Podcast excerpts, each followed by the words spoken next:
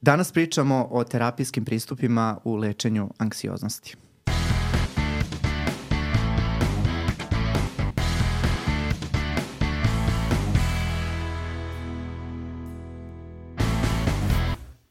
Ćao, dobrodošli u još jednu epizodu Dva i po psihijatra. Danas nastavljamo naš serijal o anksioznosti. Danas ćemo se malo više fokusirati na terapijske pristupe u lečenju anksioznosti. Znam da vam se ova tema mnogo svidela, tako da ne prestajemo uh, sa njom dok ne objedinimo sve aspekte ove vrlo kompleksne teme.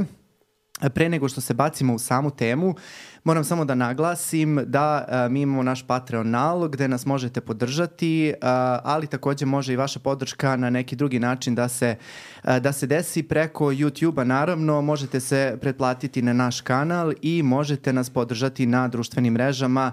Tamo smo takođe vrlo aktivni. Danas sa mnom a, jedna posebna gošća, to je Tatjana Gvozden. Tatjana je redovni profesor na odeljenju za psihologiju na Filozofskom fakultetu, ali ono što je najbitnije jeste da je vrlo edukovan i iskusan psihoterapeut, tako da nismo imali bolju gošću da dovedemo za ovu temu lečenja anksioznosti, kao što sam rekao u samoj najavi.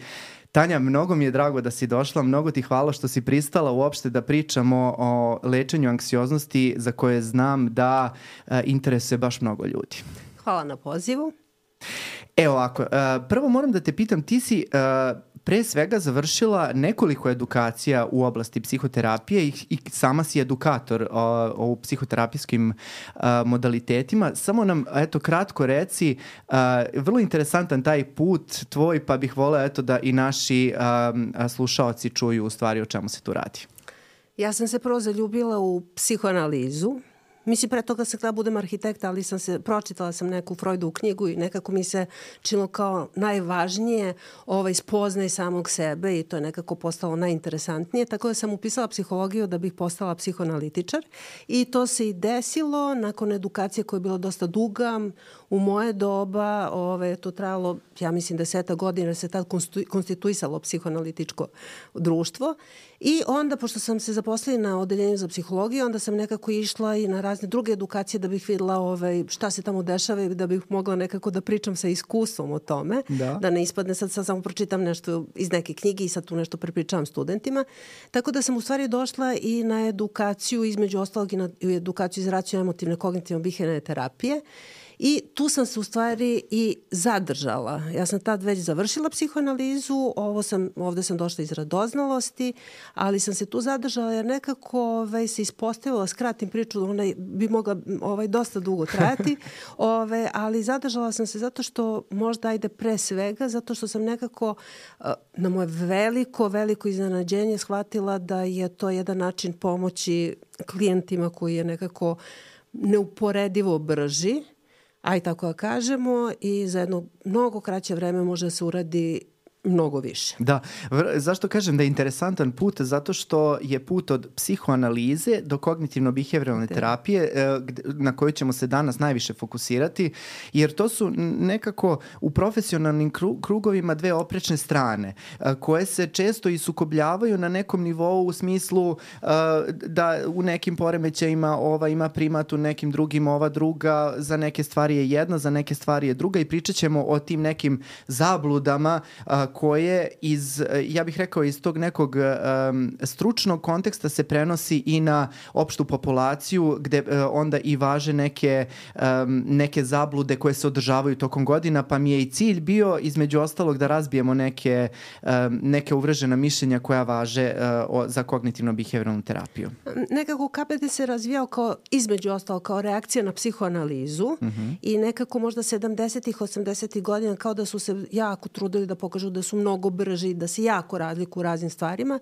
Međutim, u suštini kako vreme prolazi i kako nekako se više osvetljava rad sa nekom težom populacijom, sa nekim kompleksnijim problemima, ljudima, kad radite sa ljudima koji imaju poremeće ličnosti ili su traumatizovani, tu se u stvari i neki postulati psihodinamskih uh, terapija ipak uvažavaju, u smislu da se ipak osvetle neki rani, ovaj, kako bih rekla, rani konteksti u kojima je nešto nastajalo, mm. da se u terapiji vodi računa i osjeća osjećanjima prema terapeutu, ponavljanju nekih iracionalnih uverenja u, u samom terapijskom settingu, ali da ne dužim sada, sve u svemu mislim da nekako psihoterapija na početku se jako trude da pokažu da su različite i da su bolje, ali kako vreme prolazi, tu je moguće, ovaj, moguće nekako videti i nekakve tačke preklapanja ili bar nešto što, što, što može da ih spaja. Apsolutno se slažem i, i ova epizoda bi išla nekako u korist toga da se što manje razilazimo i što više da delujemo ujedinjeno, Jest. jer svi Jeste. smo tu sa jednim istim ciljem, ja bih rekao, Jest. a to je da pomognemo ljudima. E ovako, ja ću te pitati prvo pitanje e, za koje te nisam čak ni spremio da ću, da nismo ni pričali o tome, ali ja moram da te pitam zato što je to jedno od pitanja koje se provlači kroz svaku našu epizodu posveđeno anksioznosti, a to je da li je Tanja anksioznost izlečiva? Ajde ovako, kad je reč o anksioznim poremećajima, oni su u najvećem broju slučajeva izlečivi, čisto da izbegnemo one pretarane generalizacije, svi uvek, niko nikad, znači, ajde da ne kažemo svi, ali ogroman broj ljudi i mogu da kažem, naj, da pričam najviše o KB teorije, najviše istraživan, znači najveći broj ljudi uh, uh, zaista se ozbiljno promeni i nema više karakteristike jednog kliničkog poremeća, ali sama anksioznost kao osjećanje ne može da nestane skroz.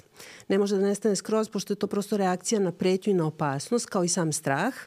I sad ne znam koliko treba pričati jer ste se vi u onim prošlim emisijama bavili razlikama anksioznosti i straha, ali u svakom slučaju kad imamo nekog pretnju ili opasnost, nekakva prirodna adaptivna reakcija jeste strah, tipa na ulici smo noću, neko skoči ispred nas i naravno da je prirodno da se, da se uplašimo. E sad, anksioznost bi bila malo, bila malo drugačija, bi bila reakcija nekakvu udaljeniju pretnju, ali i toga svakodnevno imamo. Tako da nekako niko ne može ni pored ovaj, neke najbolje terapije, kad bi neko preko 120 godina. Znači ne može se u, potpunosti, u potpunosti rešiti anksioznost ili straha, ali tu dolazi do velikih promena u znači, učestalosti, u intenzitetu, u trajanju. Znači mnogo ređe su te reakcije, znači lakše se ljudi smire, brže se smire nekako mogu time lakše da rukuju i to dođe, ajde ako ćemo neku metaforu, ja sam kad sam bila mala imala olovku koja je onako bila zaobljena na dnu mm -hmm. i koja je mogla da se zaljulja. Znači da se zaljulja i da udari vrhom u, ovaj, u, u sto. I ajde da kažemo da, ovaj, da bi ljudi posle tretmana a, mogli da se zaljuljaju naravno, ali bi te oscilacije bile male, brzo bi se vratili u normalu. Nekako to ne bi bilo oštećujuće po njih mm -hmm. ni po njihove ciljeve.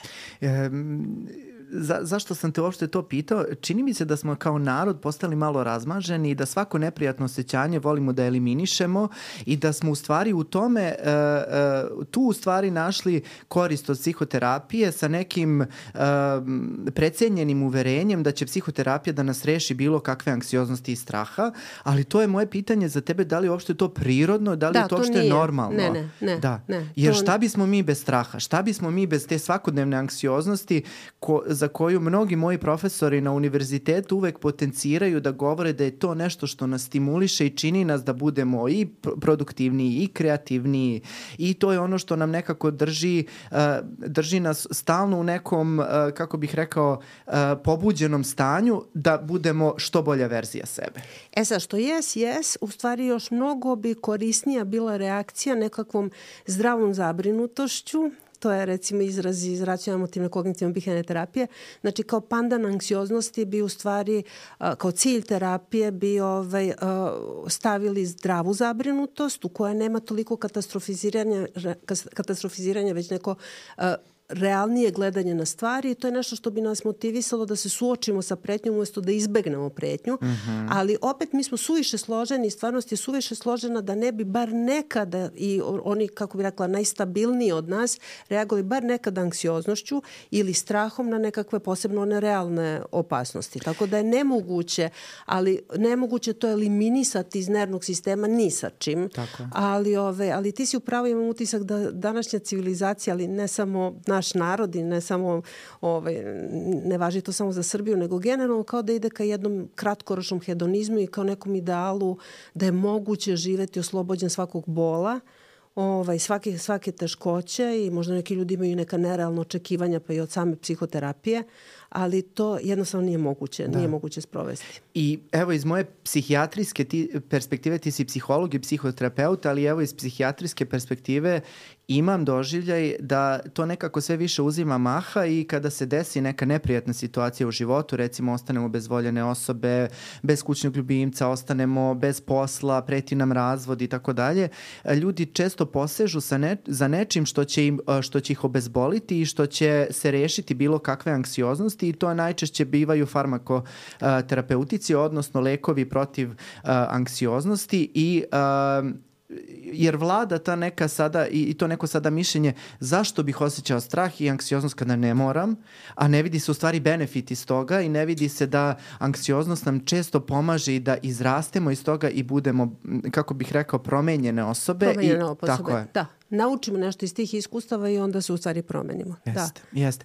E sad, S obzirom da si ti edukator uh, iz kognitivno-behavioralne terapije i racionalno-emotivne kognitivno-behavioralne terapije, koje ćemo sada, evo sad moram da odmah da kažem svim našim slušalcima, referisati kao KBT i REPT, s obzirom da lomimo jezik svaki put kada, kada izgovaramo. Jeste, ali... jednostavnije pričati ovako sa skraćenicama. Da. Jeste, KBT i REPT i to je nešto što, ovaj, mislim da i ljudi koji su nekada čitali o psihoterapiji i, i služe se sami tim skraćenicama, to su stvarno ovaj, najučestalije, eh, najučestaliji naziv za ove eh, psihoterapijske pravce. Hoćeš samo da mi objasniš eh, odakle, u stvari KBT već si sama rekla da je nastao kao odgovor na psihoanalizu, ali danas se pominje kao jedna od najefikasnijih vidova terapije zato što je najviše potkrepljena dokazima. E sad, ja možeš ti nekako iz svoje perspektive da nam kažeš zašto je to jedna od najzastupljenijih terapijskih procedura u lečenju anksiozno-depresivnih poremećaja? Razlog za to su svakako istraživanja koja potkrepljuju efikasnost kognitivno-bihavne terapije i vladovi bogatih zemalja, SAD, Zapadna Evropa, Australija, znači nekako žele da plate ono za šta vide da ima efekta. E sad, kognitivno behaviorni terapeuti su se mnogo više potrudili od terapeuta nekih drugih orijentacija ovaj, da istraže svoju praksu, uh, ne samo da istraže praksu, nego da nekako naprave modele, e, da istraže same modele, znači teorijske postavke, a posle da istraže praksu. Mm -hmm. Tako da ovaj tako da su oni nekako potpuno demonstrirali da su vrlo efikasni i u lečenju anksioznih poremećaja su verovatno je to terapija izbora, to je nešto što oni vodiči za nekakvu dobru praksu preporučuju u, u inostranstvu. Uh, I sad tu ima užasno veliki broj istraživanja, to je nemoguće, ovaj, nemoguće čak imati uvid u to, jer to su hiljade istraživanja, jako puno meta-analiza. Ono što je na mene ostavilo strašno dobar utisak i bilo mi jako interesantno, to su i neke neuroimaging studije, znači pre i posle KBT-a, snimanja mozga, gde se vidi da se bukvalno mozak menja, pa sad ti ćeš to sigurno bolje znati da ne ulazim u to, možda će gledalcima to biti, to biti dosadan deo, ali ono što je svakako zanimljivo to je da ovaj, jednostavno mozak nije isti pre i posle terapije, terapije, tu se dešava svašta i sa prefrontalnim korteksom i sa amigdalom, strukturama oko amigdale, tako da ovaj, i u raznim praćenjima, znači to nije neposredno nakon završetka terapije nalaz, već i u raznim praćenjima koja traju i više godina, znači ispostavilo se da, ovaj, da je KBT izuzetno efikasan baš u radu sa anksioznim poremećima. Mm -hmm. A reci mi kako to izgleda? Neko jedno od uverenja ljudi uh, iz moje neposredne okoline, mogu da zamislim tek uh, i, i ostatka Srbije, uh, jeste da kada krećeš u uh, psihoterapijski proces, to je jedan dugotrajan, dugogodišnji proces koji može i neprekidno da traje celoživotni proces i koji se nikada nekako ne završava, nema svoj uh, jasno definisan kraj i tako dalje. Evo reci mi iz svog iskustva kao KBT terapeut, da li ima kraja, kako izgleda evo kada neko dođe kod tebe i kaže uh, Tanja imam problem sa anksioznošću, socijalnom anksioznošću na primer, šta ja mogu da očekujem od ove terapije? Ajde, prvo, prvo um, jedan kratak odgovor vezan za ono što si prvo rekao, to je predstava o psihoterapiji koja je nastala na osnovu psihoanalize. Znači, psihoanaliza je jedna beskonačna terapija, zaista tu onako rešite da je kraj vi, ovaj, vaš terapeut, eto u nekom trenutku, ali bi to moglo da potraje još dve godine ili pet godina ili znači tome zaista ovaj nema kraja i to su dugotrajni tretmani koji traju 4, 5, 7, 8 godina. Ovaj, tako da to... Ali to pričaš iz lične perspektive zato što si sama prošla. Zato što se to sama prošla. Ja sam, ja sam recimo bila na kauč analizi 7 i po godina, pet puta nedeljno. I sad kad pogledamo, ovaj, da, sad kad se vratimo u to, da, to je stvarno dokaz koliko se ja u psihoanalizu bila zaljubljena. Eto, da, to je. Da. Ove, Ako je nešto dokaz, to je dokaz. to, to je dokaz i to su bili ljudi oko mene, znači da ne ispadnem ja nešto posebno poremećena, znači to je, to, to, to je, da sad kad sam rekla ne zvuči dobro, ovo je nekako malo je čudno, ali jednostavno to je, to je tako normalno, normalno da. je u psihoanalizi ići posle par godina, ići na dodatak te svoje terapije, pa jo, mislim, ceo život sam analiziraš na dogradnje da, da, da. razne. Uh, e, KBT nije baš takav, znači... E, kako izgleda KBT? Evo, verujem da ti dođe neko na prvu terapiju i kaže, dobro, ajde, šta ja mogu sada da očekujem?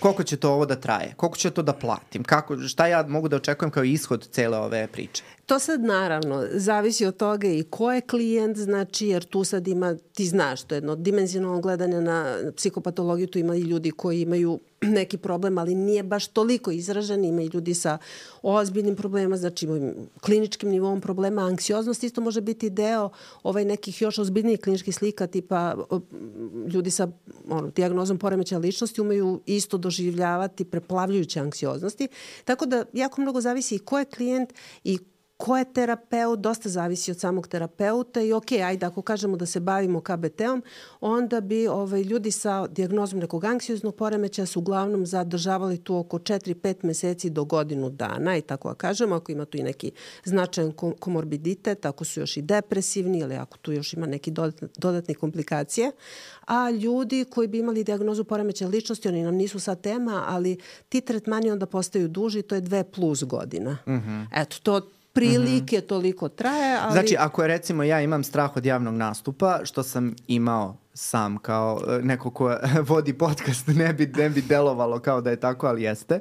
I ja sam I... imala isto strah od javnog nastupa, pa eto, sam se zaposlala na fakultetu pa predajem, pa smo morali to, morali to nekako bar malo prevladati. E, jeste. I uh, nekako to smo sami prevazišli. Ali evo, da je perzistirao taj strah. Znači da je ostao taj strah i da sam ja došao kod tebe na terapiju uh, bez ikakvog, ovo što kažeš, komorbiditeta, odnosno bez pridruženih nekih uh, stanja, da dođem i da kažem, slušaj, imam samo problem sa sa javnim nastupom, uh, treba mi psihoterapija. Dobra, to još nije diagnoza nekog kliničkog poremeća, to je, je samo izolovani strah od javnog nastupa. Da pa sad morala bih te upoznati i znati, ko, ovaj, znati malo više o tebi, ali, ove, ali to se rešava, kako bih rekla, u par meseci, nekoliko e, meseci. E, dobro, e, dobro, to mi je zadovoljavajući odgovor, zato što a, pokušavam nekako konkretno da, da kažem ljudima da to ne mora zaista da bude celoživotni proces i nešto jako strašno i da, tra, da bude pet puta nedeljno i da ne, da bude veliki... Ne, to su seanse su jednom nedeljno, najčešće nekoliko meseci, nekada kada su ljudi jako uznemireni, onda to budu i dva puta nedeljno, nekada kod opet, a, kad, a, kako rekao, ljudi koji ne mogu biti dobri saradnici u terapiju u tom trenutku, jer su preplavljeni osjećanjima, onda se ide na kombinaciju psihoterapije i farmakoterapije. Ja se sećam jednog, jedne osobe dobro, to ne spada striktno anksiozne poremeće, ali tu ima dosta anksioznosti, on je imao obsesivno-kompulzivni poremećaj i ja sam se tad još uvijek supervizirala. Ja se sećam da sam nešto pričala na toj seansi, donala to na superviziju i moja supervizorka je rekla, bože pa ti nešto pričaš, on čovjek tebe uopšte ne čuje. Znači, mm. nisu, nisu nekada ljudi, su ljudi toliko preplavljeni da, da bi onda nekako bilo dobro iskombinovati psihoterapiju i farmakoterapiju, ali u tim slučajima kada, ovaj, prosto zna se kada to treba, ali se nadamo i trudimo da ovaj da to prosto da toga bude što je moguće manje, da se ipak ovim psihološkim sredstvima izborimo sa tim. Da. To e, e znaš šta me zanima? Sad, KBT je nastao negde 80. godina, je li tako spajanjem kognitivne Jeste, i behavioralne terapije? Da. E, ali zanima me na, na, na kojim postulatima, na čemu se zasniva KBT? Šta je to bilo toliko različito od dotadašnjih terapijskih procedura koje su cvetale u to vreme, a ran i pre toga, znači to su psihoanalitička, gestalt terapija i tako dalje. Šta je to bilo posebno da se KBT izdvojio kao jedna zasebna terapijska procedura? Ono što na osnovu, je... na, na, izvini, molim te, ali na, na osnovu če, na, na, na čemu se zasniva? Eto, šta je mm. nešto što je osnovni postulat? Osnovni terapije? postulat jeste, i to se pominje jako često, jeste još epiktetova ideja da nas ne uznemiravaju stvari po sebi, već naš način gledanja na, te, na stvari, tako da između nas i događaja posreduje. Znači posreduje nešto, a to su razna značenja koje pridemo događajima i to može imati opet razne nivoe, neka od tih značenja nisu svesna, nisu verbalizovana, nešto od toga je nastalo u ranom detinstvu i to su nekakve, kako bih rekla, glavna uverenja o sebi, o svetu. Recimo, anksiozni, ljudi sa anksioznim poremećima imaju ideju da je svet opasno mesto i da oni nekako ne mogu da se nose sa tim opasnostima. Ovaj, a opet ima i nekakvih ideja, nekih aj kažemo iskrivljenih zaključaka, znači koja su više na površini, koja su onako svesni, zaključci su svesniji i to bi bilo nekakva katastrofiziranje o stvarnosti i tako dalje. Sad ja sam to vezala više za anksiozne poremeće, ali to je opšta ideja, znači da nas ne uznemiravaju događaji po sebi, već naš način na koji gledamo događaje, ovaj, Murakami, ajde ovako nešto malo savremenije, znači Murakami, ja ga jako volim. Ima Isto. Jed, mm -hmm. Jel da? Mnogo volim, da. Ima jednu divnu rečenicu koja se često citira, a, a nadovezuje se na ono što si ti malo prepomenuo, a, a, bolje neminovan, ali je patnja opciona. Mhm. Znači, nekako u susretu sa raznim događajima nemoguće je da nas nešto ne zaboli, ali koliko ćemo patiti, to zavisi od nas i nekako naš način gledanja na stvari dosta doliva u, ulje na, na vatru.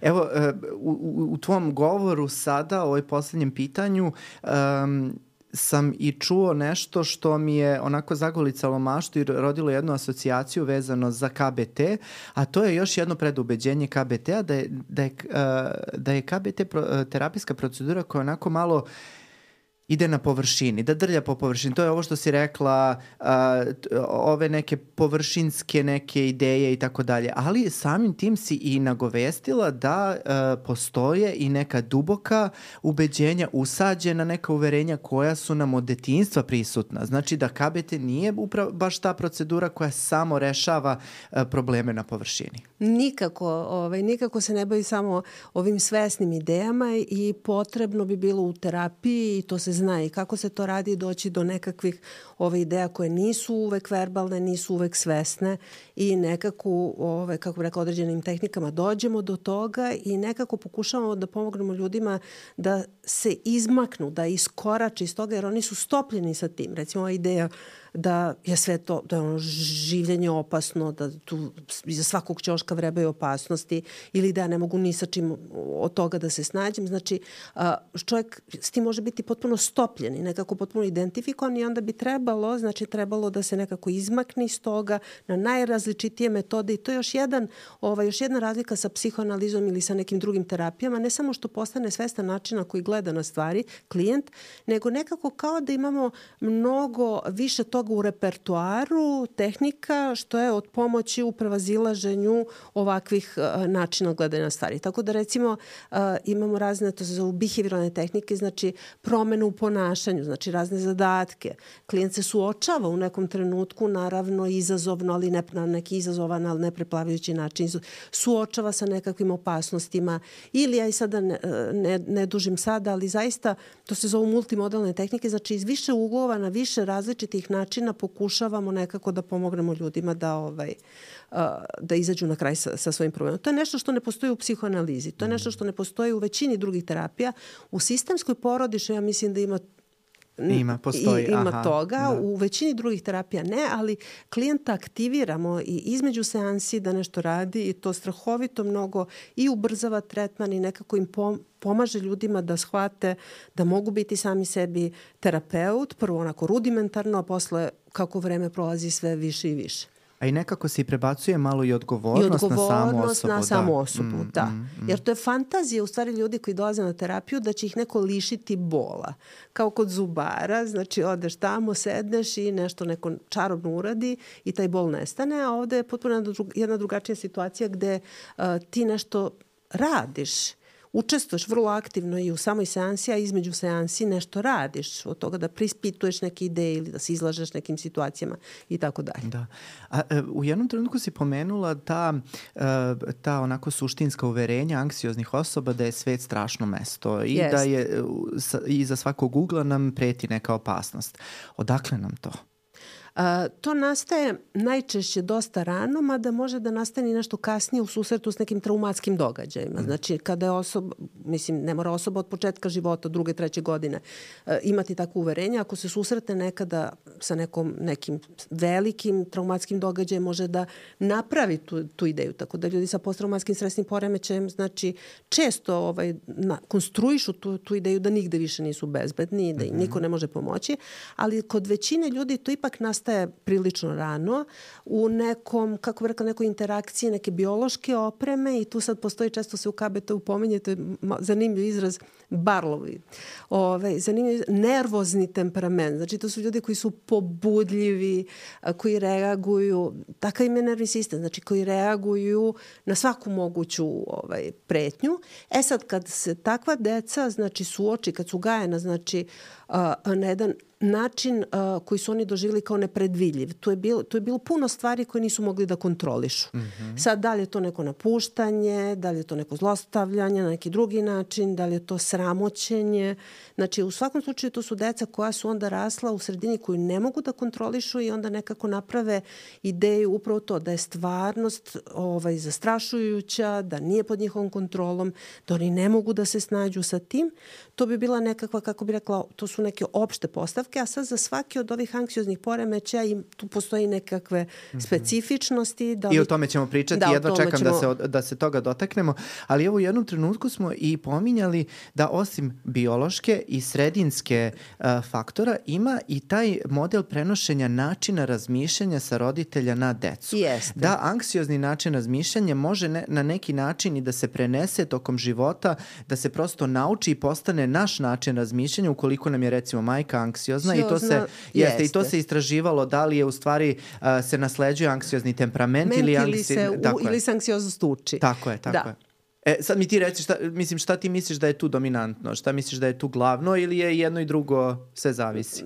Ja mislim da mnogo, kako bih rekla, pametniji ljudi od mene nisu uspeli da dođu do odgovora šta je tu glavno. Znači, tako da nisam sigurna, ali trebalo bi da je to neka vrsta interakcije. Da treba, trebalo bi da, to, da postoji jedno i drugo kao preduslov za ljude koji posle ovaj, postanu izrazito, izrazito anksiozni, ali svakako se i to može naučiti kao oblik reagovanja. Mi reagujemo onako kako smo videli da naši roditelji reaguju, tako da svakako učimo od njih. Ovo je mnogo toga. I uh, razgovarao sam uh, pre ove epizode sa ljudima iz uh, mog okruženja i pitam ih, reko šta biste vi volili da znate o KBT-u, oni kažu o čemu, ja kažem o kognitivnoj behavioralnoj terapiji, oni dalje kažu o, ne razumem o čemu, oni nisu psihijatri niti psiholozi, tako da ljudi ne znaju šta znači uopšte KBT, odnosno kognitivno behavioralna terapija. Zna kada raščlanimo reč, kognicija, razmišljanje, mišljenje, I behavioral i slike, i slike, upravo i ovaj behavioralno, odnosno ponašanje. ponašanje. E sad mi ti reci šta je tu konkretno, evo dotakli smo se u jednom trenutku osnovnih postulata, šta su u stvari KBT terapeuti u samom startu videli zašto menjanje mišljenja i ponašanja može da pomogne u ovim situacijama? Uh, pa to je dosta jedna praktična stvar, kako bi rekla, oni su to, oni su to shvatili radeći, znači radeći sa anksioznim poremećima i raznim drugim, Aj prvo kažemo, aj dam primer ovde Alberta Elisa, možda će ljudima nekako to biti najjasnije. To je čovjek koji je bio psihoanalitičar kao i Aaron Beck, koji je tvorac kognitivne terapije, Elis je tvorac racio-emotivne uh, behavioralne terapije. Znači, njih dvojica su radili kao psihoanalitičari, bili su edukovani psihoanalitičari, ali Elis je nekako uh, sam sebi pomogao, pošto je on bio jako anksiozan, znači on je sam sebi pomogao pre svega behavioralnim metodama. Recimo, on uh, se plaši javnog govora, ali je zadao sam sebi zadatak da, ne znam, jednom nedeljno priča nešto na nekakvoj lokalnoj ne znam što je to radio stanici ili tako nešto o problemima u toj maloj zajednici, u tom delu grada, kao što je zadao sebi zadatak da, da, da pokuša da napravi, da izađe na zakaže ovaj nekakav susret sa ženom ovaj, bilo kojom ženom i pokušao je to sa 100 žena u Bruklinskom parku. I isposte, da, i sve su ga odbile. Znači, sve su ga odbile. Međutim, on se u svemu tome lišio anksioznosti. Znači, oni su nekako praksom uvideli. Znači, oni su eksperimentisali, bili kreativni i onda su shvatali u stvari da je to brži vid pomoći.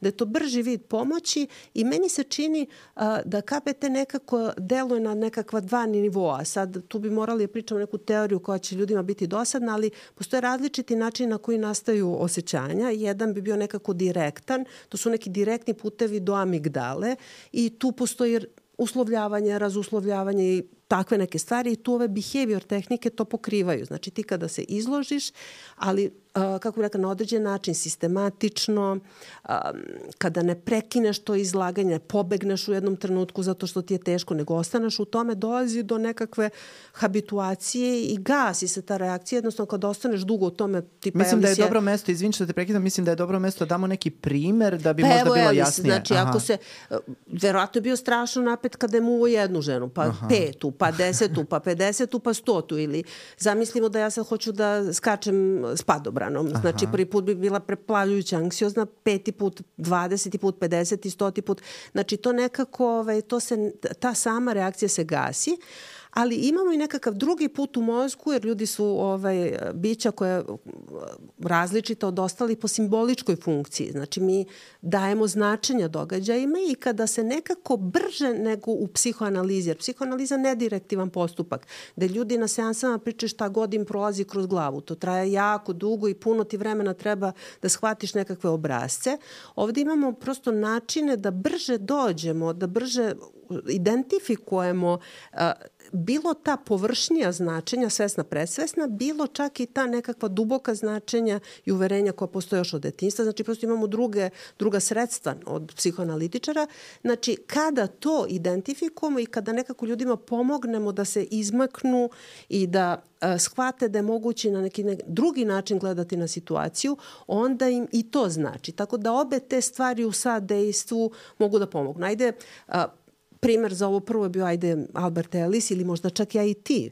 Ja sam bila strašno anksiozna. Ja sam savršen kada, primer. Ja sam savršen, savršen primer za to. Savršen primer, znači ja sam ovaj, Uh, ja sam konkurisala na radno mesto na fakultetu, ja mislim zbog mog ambicioznog oca pre svega, ali u suštini sam se toga strašno plašila i sa, uh, jednostavno, kako bih rekla, bivanje u toj situaciji, prolaženje kroz to opet, opet, opet, opet, je uticalo na to da se ja posle ipak malo i rasplašim. To je da. jedno. I uh, A, mislim da gledalci koji uh, evo već du, dugom vremena prate naš podcast mogu da primete da se ja u podcastu se manje manje znojim. e, da, ja sam se strašno znojila strašno sam se znojila i evo to sad nestaje, da to nije skroz nestalo, to je ono što sam rekla, nekako ne možemo anksiozno skroz izbrisati. Primetila sam da u jednoj, u jednoj situaciji, ali to već neću da otkrivam, ove, a, kome sam to predavala i tako, znači u svakom slučaju primetila sam da sam se opet pojačano oznojila, ali to je jedan, kako bih rekla, izolani događaj. Ta, rekli smo na olovka kad se zaljulja, znači ona se brže vrati u tu normalnu kada se ljudi često izlažu nekim situacijama, onda oni shvate u stvari da mogu time da ovladaju, jer a, kada izbegavaju a, te zastrašujuće situacije, oni nekako ostaju sa idejom da time ne mogu da rukuju. A kada se izlože, tu sad postoje razni mehanizmi, onda nekako razumeju da time mogu da ovladaju. Ali ovaj drugi, a, drugi put, put da, ovaj drugi analiziranja značenja, Aha Mislim, ima tu sada... Kako to je već simbolički o kojem pričaš. Jeste, mm -hmm. ima tu sada i različitih kognitivno-bihenih terapija, znači nisu one sve iste, ne postuliraju potpuno iste procese, ali ajde da uzmemo nešto iz repta kojim se ja ipak najviše bavim. Uh, ljudi će obično reći da ne mogu da podnesu nešto ili da je nešto strašno. E sada, mi ih u terapiji nekako vodimo ka tome da shvate da umesto da veruju da nešto ne podnošaju, da dođu na ideju da je nešto teško, teško, ali da može da se podnese i da ima smisla to podneti. Evo recimo jedan od mojih ličnih primjera je bio kada sam ostavljala cigarete. Ja znam da sam a, jedna od tih coping rečenica je bila pa hoću li umreti sad ako ne zapalim cigaretu? Neću umreti, tako da ono mhm. teško je, ali može da se podnosi, ima smisla se nešto podnosi ovaj, i, ili recimo da li nešto smak sveta, da li ima nešto gore od toga. Ajde, uh, primer, evo, ljudi im su, žive s raznim pretnjama, znači postoji mogućnost da neko izgubi posao. I sada, ako neko veruje kako to, toga ne sme da dođe, kako je to strašno, kako je nepodnošljivo, kako je manje vredan, on će završiti sigurno sa jednim težim osjećanjem, tipa bit će jako anksiozan, katastrofiziraće, pitanje da će se uopšte aktivirati, dok zamisli da neko u toj situaciji misli umesto to ne sme da se desi, to se dešava ljudima, čak se i često dešava, umesto ovoga ne mogu da podnese, može da misli, dobro, to je jako neprijatno, jako teško, neko vreme ću morati ono stegnem kajš ili da se odreknem neke stvari, ali mogu to da preživim, proći će to vreme, uradit ću nešto sa tim. Ili umesto to je smak sveta, može da misli dobro postoji neke mnogo gore stvari, svakako je ovo jako teško, ali postoji gore stvari. I umesto ja sam manje vredan, možda misli, znači to je ipak neki splet okolnosti, znači nije samo do mene i kad sve to misli, znači onda će završiti sa jednom drugačijom reakcijom neke zdrave zabrinutosti, bez nekog katastrofiziranja o budućnosti. E sad, kako se do toga dolazi, to je čitava sad... sad peripetija, peripetija čita, da, da. znači tu ima milion tih tehnika i kogniti, znači nekakva sokratovska pitanja, zapitkujemo ljude, pokušavamo da ih nekako navedemo, da stvari sagledaju iz drugog ugla možemo o tome posle malo više. Imamo i čitav spektar ovih behaviornih ponašajnih tehnika, promene ponašanja, imamo razne imaginativne tehnike, znači to je jedan Tako je, ali, veliki ali, spektar. Ali jako mi se sviđa, e, dve asocijacije su mi se probudile, znači jako mi se sviđa što u KBT-u uh, nije samo da eliminišemo neprijatnu misao, nego dajemo alternativu. Dajemo alternativu obavezno, jer... Jest. Da, da, I, da, da, da. I, I da mi uh, nećemo, uh, i to je druga stvar recimo koju, za koju znam da mnogo ljudi misli, da ćemo mi nekoga da ubeđujemo u nešto. Ne. Da, znači da će neko da dođe da nam kaže uh, svet je prestrašno mesto ili uh, ja ću sada da, ja ću da se izblamiram sad na ovom podcastu i da ćeš ti da dođeš meni i kaže ne, nećeš se izblamirati i da ću ja biti izlečen. Znači to ne ide tako, to je ovo ne, upravo su ove procedure. To nije nikako pozitivno mišljenje što često postoji na društvenim mrežama kao neki karik kirani KBT, aj ponekad mi to tako deluje. Znači, nije nikako pozitivno mišljenje, nije nikako ubeđivanje klijenta, jer to prosto ne deluje. To bi možda, svi to znamo. Znači, da. kada pričamo s nekim ko nas nešto teši, ubeđuje nešto, to možda kako bih rekla, bude nam lakše dva minuta i posle toga smo opet u istom.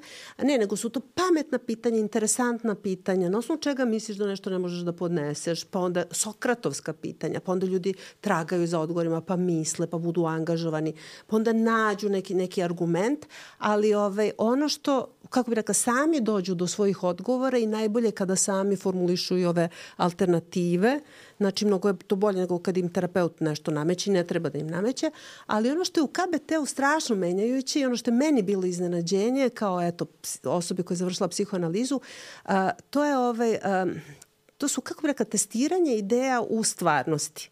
Aha. e, i kada to urade, jedna je stvar šta se dešava na terapijskom susretu, jer tu terapeut može biti manje ili više inspirisan, klijent isto nešto shvati, nešto ne shvati, nađe neki odgovor. Znači, uglavnom dođu do nečega što oni zovu a, intelektualnim uvidom. Njima je nekako u glavi jasno da je ova zdravija alternativa nekako u skladu sa stvarnošću, da bi im bila korisnija, ali kao da ne veruju sasvim u srcu u to.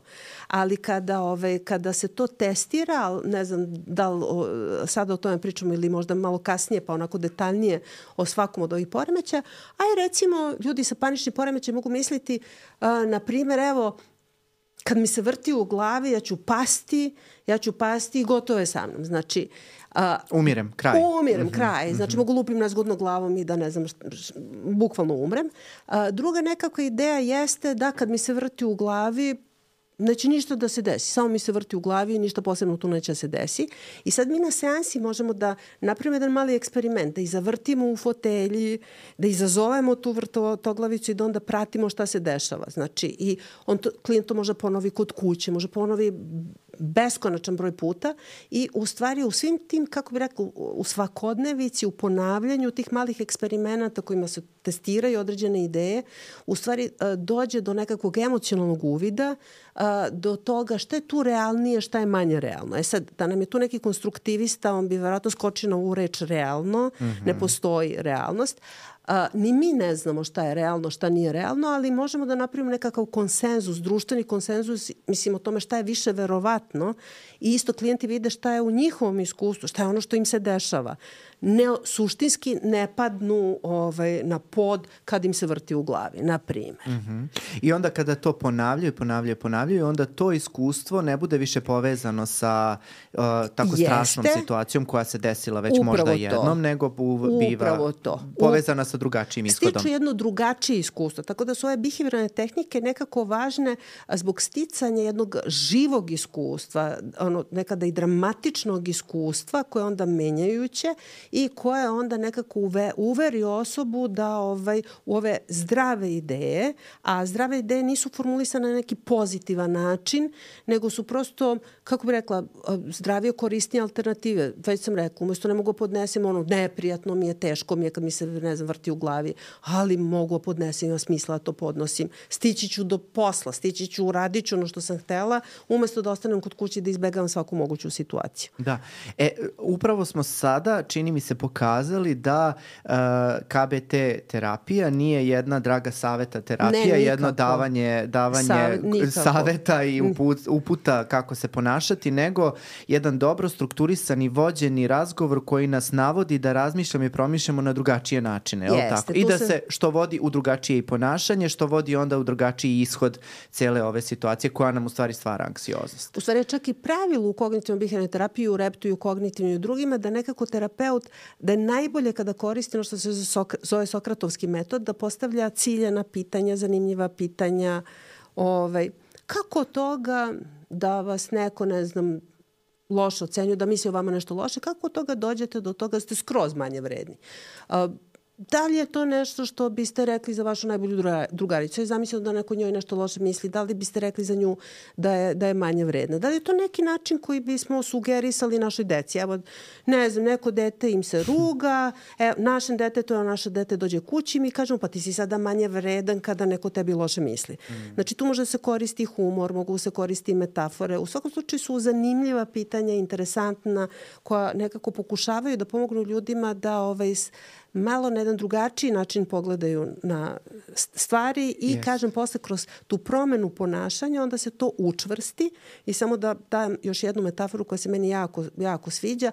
Ajde zamislimo da je park pod snegom i uh, imamo jednu utrtu stazu i sad mi bi dao odemo tamo na drugi kraj parka i idemo tom, prirodno je da ćemo ići tom utrtom stazom i to je nešto što smo godinama negovali kao obrazac u razmišljanju, obrazac u ponašanju.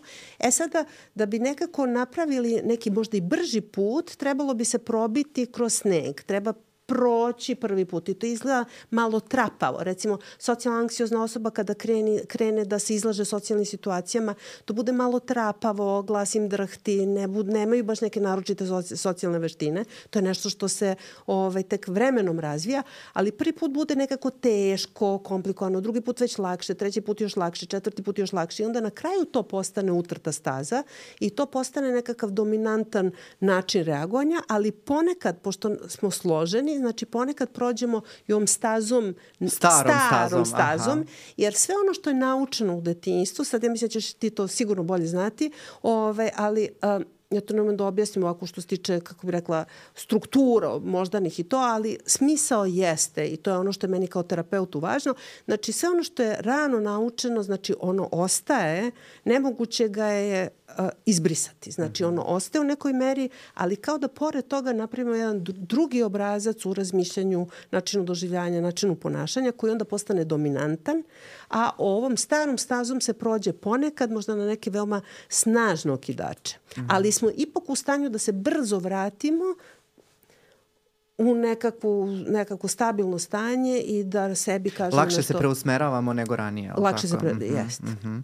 E, a znaš šta me sada zanima? Evo, ne, pomenuli smo već nekoliko načina razmišljanja različitih poremeća. Možemo se dotaći nekih najčešćih. Evo, recimo, dosta tražena tema uh, i tema koju ćemo obrađivati u posebnoj epizodi jeste socijalna anksioznost. E sad, uh, možeš da mi kažeš otprilike koja su to najčešće uverenja osoba koja pati od socijalne anksioznosti i kako se sa njima radi u terapijskom procesu? Dobro, to su ljudi koji su često bili, bar tako kažu istraživanja, tako kaže i naše iskustvo, kogod se njima bavio to zna. Znači, vrlo često su nailazili na neku vrstu osude u detinstvu, kritike. Često su imali bar jednog roditelja koji je nekako dosta bio strog, kontrolišući. Nekada su bili i prezaštićivani, što je paradoksalno, ali to te ometa da nekako sam radiš nešto i stekneš neko poverenje u sebe.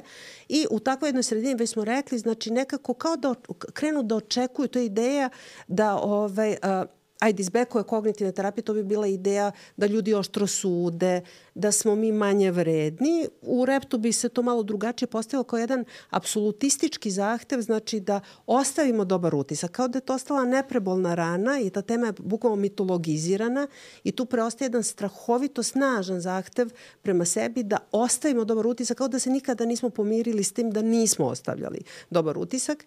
Jedno ogromno užasavanje, nepodnošenje bilo koje situacije u kojoj ne ostavljamo dobar utisak i jedno globalno negativno vrednovanje, znači obezvređivanje sebe.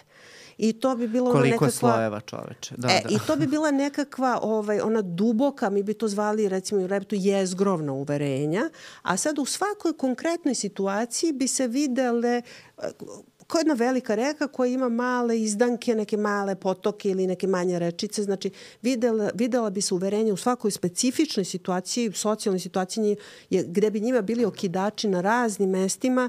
Znači, uh, uh, okidač je pretnja da se neće pokazati dobro, da će ih neko ismejati, da će se, aj kažemo onako srpski izblamirati. To je ono što bi bilo mhm. osnovno. Znači izblamiraću se pa sad na raznim mestima i sad to treba za svaku socijalno anksioznu osobu nekako prepoznati i nekako videti različite te slojeve. Eto, mm. to je. I e, kako se sa njima radi na terapiji? Znači, e, kako, kako se uopšte dođe do jezgrovnog uverenja nečijeg, jer verujem da nije lako, neće osoba doći uh, na terapiju i na prvoj, drugoj seansi reći ja imam veliki strah od toga da ne ostavim dobar utisak, jer je moja neće, majka bila zato... prezaštićujuća ne, ne, ili pre, kre, prekritikujuća. Ta uverenja nisu, nisu, najčešće nisu svesne. Možda ponešto toga osoba možda kaže, ali daleko toga da može sve naravno, ali uh, uh, u, kako bismo u reptu tipično radili, pa ću posle reći malo više o samom procesu, uh, čak nije ni to možda glavni problem, da se neko a, a, plaši nekakve socijalne osude ili nekakvog blama, da zamišlja da je to, to nekako nešto što se ne može preživeti i ostalo, nego neki sekundarni nivo i kod ljudi sa anksioznim poremećem uvek imamo i anksioznost podom anksioznosti. Oni se tipično plaše da će zamuckivati, da će im glas drhtati, da će se oznojiti, da će drugi to videti. Znači, oni su tu... anksiozni da ne budu anksiozni. Jeste, oni su mhm. anksiozni da ne budu anksiozni kao što su i ljudi sa paničnim poremećem isto to ono strah od straha. Mhm. -huh. Znači to je čak,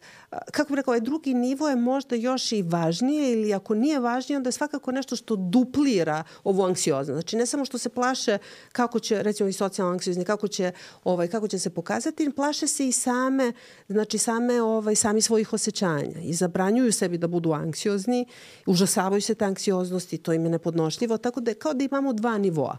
A sad, uh, I to važi i za ove druge anksiozne poremeće. Znači, ljudi su nekako samo refleksivni, oni primećuju svoje reakcije i, nemaju, i uh, te reakcije postaju, ovaj, kako bih rekao, kidač o kome se misli na jedan pogrešan način, ne prihvataju sebe, aj tako kažem, ne prihvataju sebe sa svojim reakcijama. E sad, kako se radi? Ono najkraće moguće, znači, na početku, znači, u prvih nekoliko seansi se potrudimo da napravimo nešto što se zove formulacija slučaja ili u reptu bi to bilo razumevanje osobe. Elis nije volao voleo reč, izraz slučaj, nego je to bilo razumevanje osobe u kontekstu njenih problema, što znači da se definišu problemi vrlo precizno.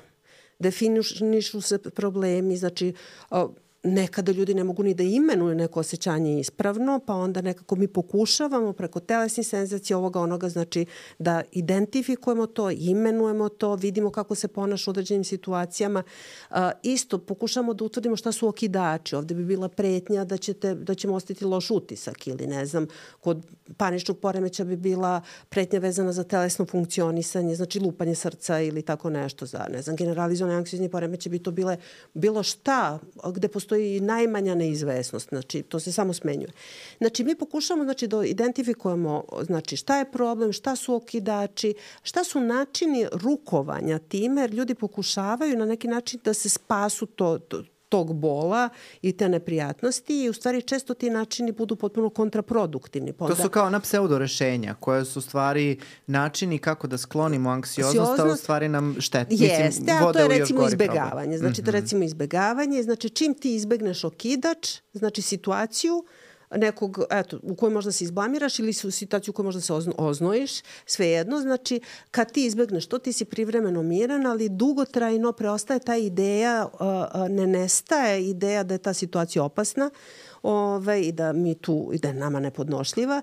Tako da ovaj, to izbjegavanje neki, kako bi rekla, kratko trajno neko rešenje, kao što postoji milijardu nečega što se u KBT zovu zaštitna ponašanja. Ljudi nose lekove sa sobom, vodu sa sobom, pridržavaju se za ne znam zašto mogu da se pridrže, idu sa drugim ljudima na određeno mesto. Mm -hmm. Postoje mnogi, nadgledaju svoje telo. Znači, tu sad u zavisnosti od kliničkog problema, znači bukvalno, i to je prednost KBT-a, znači postoje modeli. Znači za svaki od kliničkih nivoa poremećaja postoje, postoji definisani jasni modeli, ali to je opšta teorija koju mi pokušavamo nekako da, ovaj, kako bih rekla, Nećemo nametnuti klijentu, ali ćemo pokušati da prepoznamo nešto od toga kod klijenta, kao što pokušamo da imamo šta su precipitatori, znači koji su stresni događaji uh, prethodili tome, jer tu mora da postoji nekakav okidač koji će aktivirati ta uverenja, ona su u latentnoj formi, pa onda ide, idemo i dalje, napravimo nekakve kao početne hipoteze o tim faktorima vulnerabilnosti, o tome šta su jezgrana uverenja, u kakvoj atmosferi neko rastao, A, to su, gde je živeo, kako gde je živeo, kako, kako odgaja. Da, za koga, mm -hmm. da li je to bilo nečeg nekontrolabilnog, neki separacije ovoga onoga. Znači, tako da u prvih nekoliko seansi kao da napravimo jednu mini teoriju o klijentu, napravimo listu problema, to je razlika sa psihoanalizom i mnogim drugim terapijama i to je nešto što ubrzava tretman. Znači, kao da nekako, to je malo veštački, ostavimo ovaj, po strani neke druge stvari koje osobu muče da bi dobili u vremenu i da bi mogli da stavimo pod lupu ono što ga najviše muči i onda se tipično kreće, kreće od toga. A, tragali bi za nekom skorašnjom epizodom ili nekom živom epizodom, u smislu epizodom gde su bila vrlo izražena određena osjećanja, pa bi onda tu nekim lancima zaključivanja, znači kao neko ljuštenje luka, onako ideš zaključuješ, mislim ne znam koliko imamo vremena da to opišem, ali u svakom slučaju to nije nešto na prvu loptu, tu je potrebno pratiti klijenta i nekako doći do nečega što naravno nije sam sposoban da verbalizuje, ali zajedno sa terapeutom verbalizuje kao uh, svoja uverenja, situacijono specifična, znači u tom jednom segmentu, da bi se naravno kasnije u tretmanu nekako analiziralo gde se sve to a, vidi još. I to su kao neka variacija na temu. Mm. i onda bi došli do onoga što, što sam pominjala kao jezgrovno uverenje, kao nešto što nekako utiče na ogromne oblasti onda bi probali, znači kad je to identifikovano, da im ukažemo upravo na ovu vezu e, između načina na koji mislimo i toga, ovaj, e, načina na koji mislimo i toga kako se osjećamo, kako mm. reagujemo u nekoj situaciji i probali bi ovim multimodalnim tehnikama, ali to je ogroman broj toga. Recimo, samo u behavior terapiji, onom, onome što je prethodilo KBT-u, ja mislim da ima preko 100 tehnika, a u KBT-u je to jedan ogroman broj. Znači, kognitivnih tehnika, nekih imagina, imaginativnih zamišljanja toga, Da, da, da. Mislim da možemo... tehnika. Znači, mm -hmm. to je mhm. jedan ogroman, ja mislim da je to jedna izuzetno velika snaga kognitivno-biheviorne terapije, jedna razrađenost, tehnička razrađenost gde to sve, ono što, što je isto prednost, sve to ispitano. Znači, mm. sve to mhm. ispitano, istraženo, tako da možemo imati poverenja u to. I onda malo pomalo, uh, razumeš, malo pomalo, znači, putem u ne, klijentu bude neki argument zanimljiv, uh, pa onda uradi nešto između susreta, malo se izloži, pa onda vidi da je uspeo u tome, pa onda nekako kao da ovaj, stekne poverenje, još veće poverenje u ovu vrstu terapije, u terapeuta, pa onda se sledeće nedelje usudi uradi još nešto i u tako jednom procesu koji traje nekoliko meseci, godinu dana, koliko već traje. Samo, samo da kažem, izvini, ovaj, ali kad kažeš malo se izloži, pomislit će neki mladi koji gledaju na, više na loženje nego na izlaganje, da ne mi ne pomisle ja, tako. Da, ne, ne, ne, ne, ne, ne, ne, mislili smo na neku neprijatnu na stvar, a to je izlaganje. Znači, socijalno anksiozne osobe se izlažu socijalnoj pretnji, šta to, kako to izgleda? Znači, to je izazovno, ali nepreplavljujuće. Ne smemo čoveka gurnuti previše, ne, napraviti neki preambiciozni domaći domaći zadatak je to neće uraditi. Da. Ali pitamo ga šta je spreman da uradi, pa recimo sećam se jednog mog klijenta, on je ovaj, socijalno anksiozno, on je studirao, prvo što je ovaj, i zastao je naravno u jednom trenutku i ovaj, prvo što je rešio da uradi jeste da se da postavi pitanje, da postavi pitanje na nekakvom predavanju i to je jednom nedeljno. Onda je sledeće nedelje rešio, to je već kako bi rekla, bilo manje zastrašujuće, rešio je da priđe nekim kolegama, napravi small talk, da malo mm. popriča. Pa ne znam za koliko nedelja ovaj, se usudio da priđe svojoj simpatiji. Pa ona ga je odbila. Mm -hmm. o, ovaj, pa se onda usudio da priđe nekim drugim devojka, devojkama koje su mu se svid, sviđale. I tako i dalje, i tako dalje. Znači, kao da iz nedelju e, u nedelju... znaš šta me, izvim što ti prekidam, znaš šta me zanima, evo kad reče ta devojka ga odbila. Da li može u procesu izlaganja o kome sada pričamo da se desi uh, neprijatna situacija koja ih unazadi? da recimo da je on doživao strašnu neprijatnost u momentu kada je probavao neke stvari, recimo postavio pitanje i delovalo mu je da je ispao glup. Ili uh, kada je prišao toj svoje simpatije, ona ga odbila. Da li moguće da se vrati u, početno, u početno stanje ili čak da se unazadi u samom procesu? A, mi, a, a, naravno da je moguće da se desi nešto neprijatno. Život je jako ovaj, kompleksan i uvek je moguće da neko na nas loše reaguje ili da se prosto nešto iskomplikuje. To se dešava, ali, ovaj, a, ali nekako, kako bih rekla, mi pripremimo ljude na to u smislu mogu a, da znači podnesem... na tome se radi. Da, znači, recimo, aha, aha. A, niko neće hteti da se izlaže, znači dok nekako nema ideju što to radi i a, kako ulazi u to. Recimo, pred izlaganje bi jedna od tipičnih coping rečenica bila mogu da izdržim, znači teško je, ali mogu da izdržim i ako me odbije ta devojka ili ako, ne znam, profesor na mene loše reaguje. Ili mene to ne definiše. Znači, moju vrednost ne definiše to kako na mene neko reaguje. Tako da, u stvari, u onoj staroj behavior terapiji su izlaganja bila malo problematičnija, zato što ovaj, je bilo puno drop-outa. To ljudima bilo zastrašujuće i onda su nekako bežali od tog tretmana. Pa mislim, kako i neće, A, ako se plašiš nečega i neko plaši... te stavi u tu situaciju, naravno da ti je prvi instinkt da pobegneš iz te prvi situacije. Da pobegneš, ako nisi dobro pripremljen. Ako nisi, e, ali mi jako dobro pripremimo te ljude, oni imaju šta sebi da kažu, imaju razloge za, zbog, koga, zbog kojih to rade i nekako je to u suštini win-win čak i kada trenutni ishod nije dobar, jer oni kažu da, da su nekada zadovoljni što su radili prvi korak. Jer recimo ovaj čovjek, konkretna osoba koju sam malo pominjala, on je bio fenomenalan student kad je bio, bio, bila reč o pismenim ispitima, na sve usmene izbjegavao. I sad na prvom usmenom na koji je izašao, on je pao, ali on je već bio srećan što je uopšte izašao.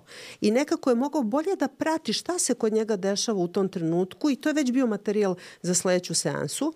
Tako da, bez obzira što je on, ne znam, kad je došao da, da. ispita da. i A znaš šta mi je, e, znaš zašto mi je bitno da pričamo o, o ovoj samoj pripremi? Zato što uh, kad smo pričali o ovim predubeđenjima vezano za KBT, um, za anksiozne osobe, kao što si sama rekla, je jako karakteristično da imaju strah od straha. I, I misle da će... Možda je to čak i glavna stvar. Kod jeste. I, misli, I misle da će doći na terapiju koji će ih izložiti nekom strahu koji će za njih biti ne, nedopustivo bolan i nedopustivo neprijatan. Nepodnošljiv. Nepodnošljiv. I u, u tom smislu mislim da je ovo e, možda i suštinska stvar koju treba da naglasimo da u stvari terapeut pre samog izlaganja Laganja, da. priprema osobu i priča se o tome i priča se o različitim ishodima i, i predstavljaju se ti različiti ishodi šta će, kako ćeš reagovati ukoliko dođe do nekih takvih stvari. Znači, niko neće pustiti osobu i gurnuti je nogom u lift ako se Nikako. lifta praši Nikako. bez prethodne pripreme i razgovora o tome kakav je ishod. Vrlo ozbiljne pripreme koje uzima prilično vremena, nedelje, meseci, pa onda kada vidiš da je pogodan trenutak i u dogovoru sa samim klijentom, znači ništa ne radimo, kako kako bi rekla, iz neke ekspertske pozicije. Ne namećemo ljudima stvari iz neke ekspertske pozicije, u smislu mi znamo bolje od njih, šta je za njih dobro, nego se dogovaramo sa njima zašto su spremni u tom trenutku, šta im deluje da bi bilo okej okay u tom trenutku da urade, koji je to jedan mali korak koji im deluje, ono, kako bi rekla, prihvatljivo, iz, prihvatljivo mm -hmm. izvodljivo. I uvek imaju nekako, kako bi rekla, a, izlaganje, to se zna iz one stare behavior terapije, jedino nije palilo kod ljudi, dobro, sem kad pobegnu ovaj, i uopšte ne uđu u to, tad naravno nije od pomoći, isto nije od pomoći onima koji tokom izlaganja se pa jeste, stvarno, razumem. Pa da, da dobro. Da. A ovaj, nije od pomoći ljudima koji, ovaj, koji tokom tog izlaganja sebe stalno indoktriniraju ovo je strašno, ovo je strašno. Ovo je, ja ovo ne mogu, ja ovo ne mogu. Ja, kad će kraj i ostao. Znači, tako da njima nije od pomoći, ali znači mi nekako napravimo ipak neku vrstu promene u načinu gledanja na stvari. Mene ne definiše kako god da neko na mene reaguje.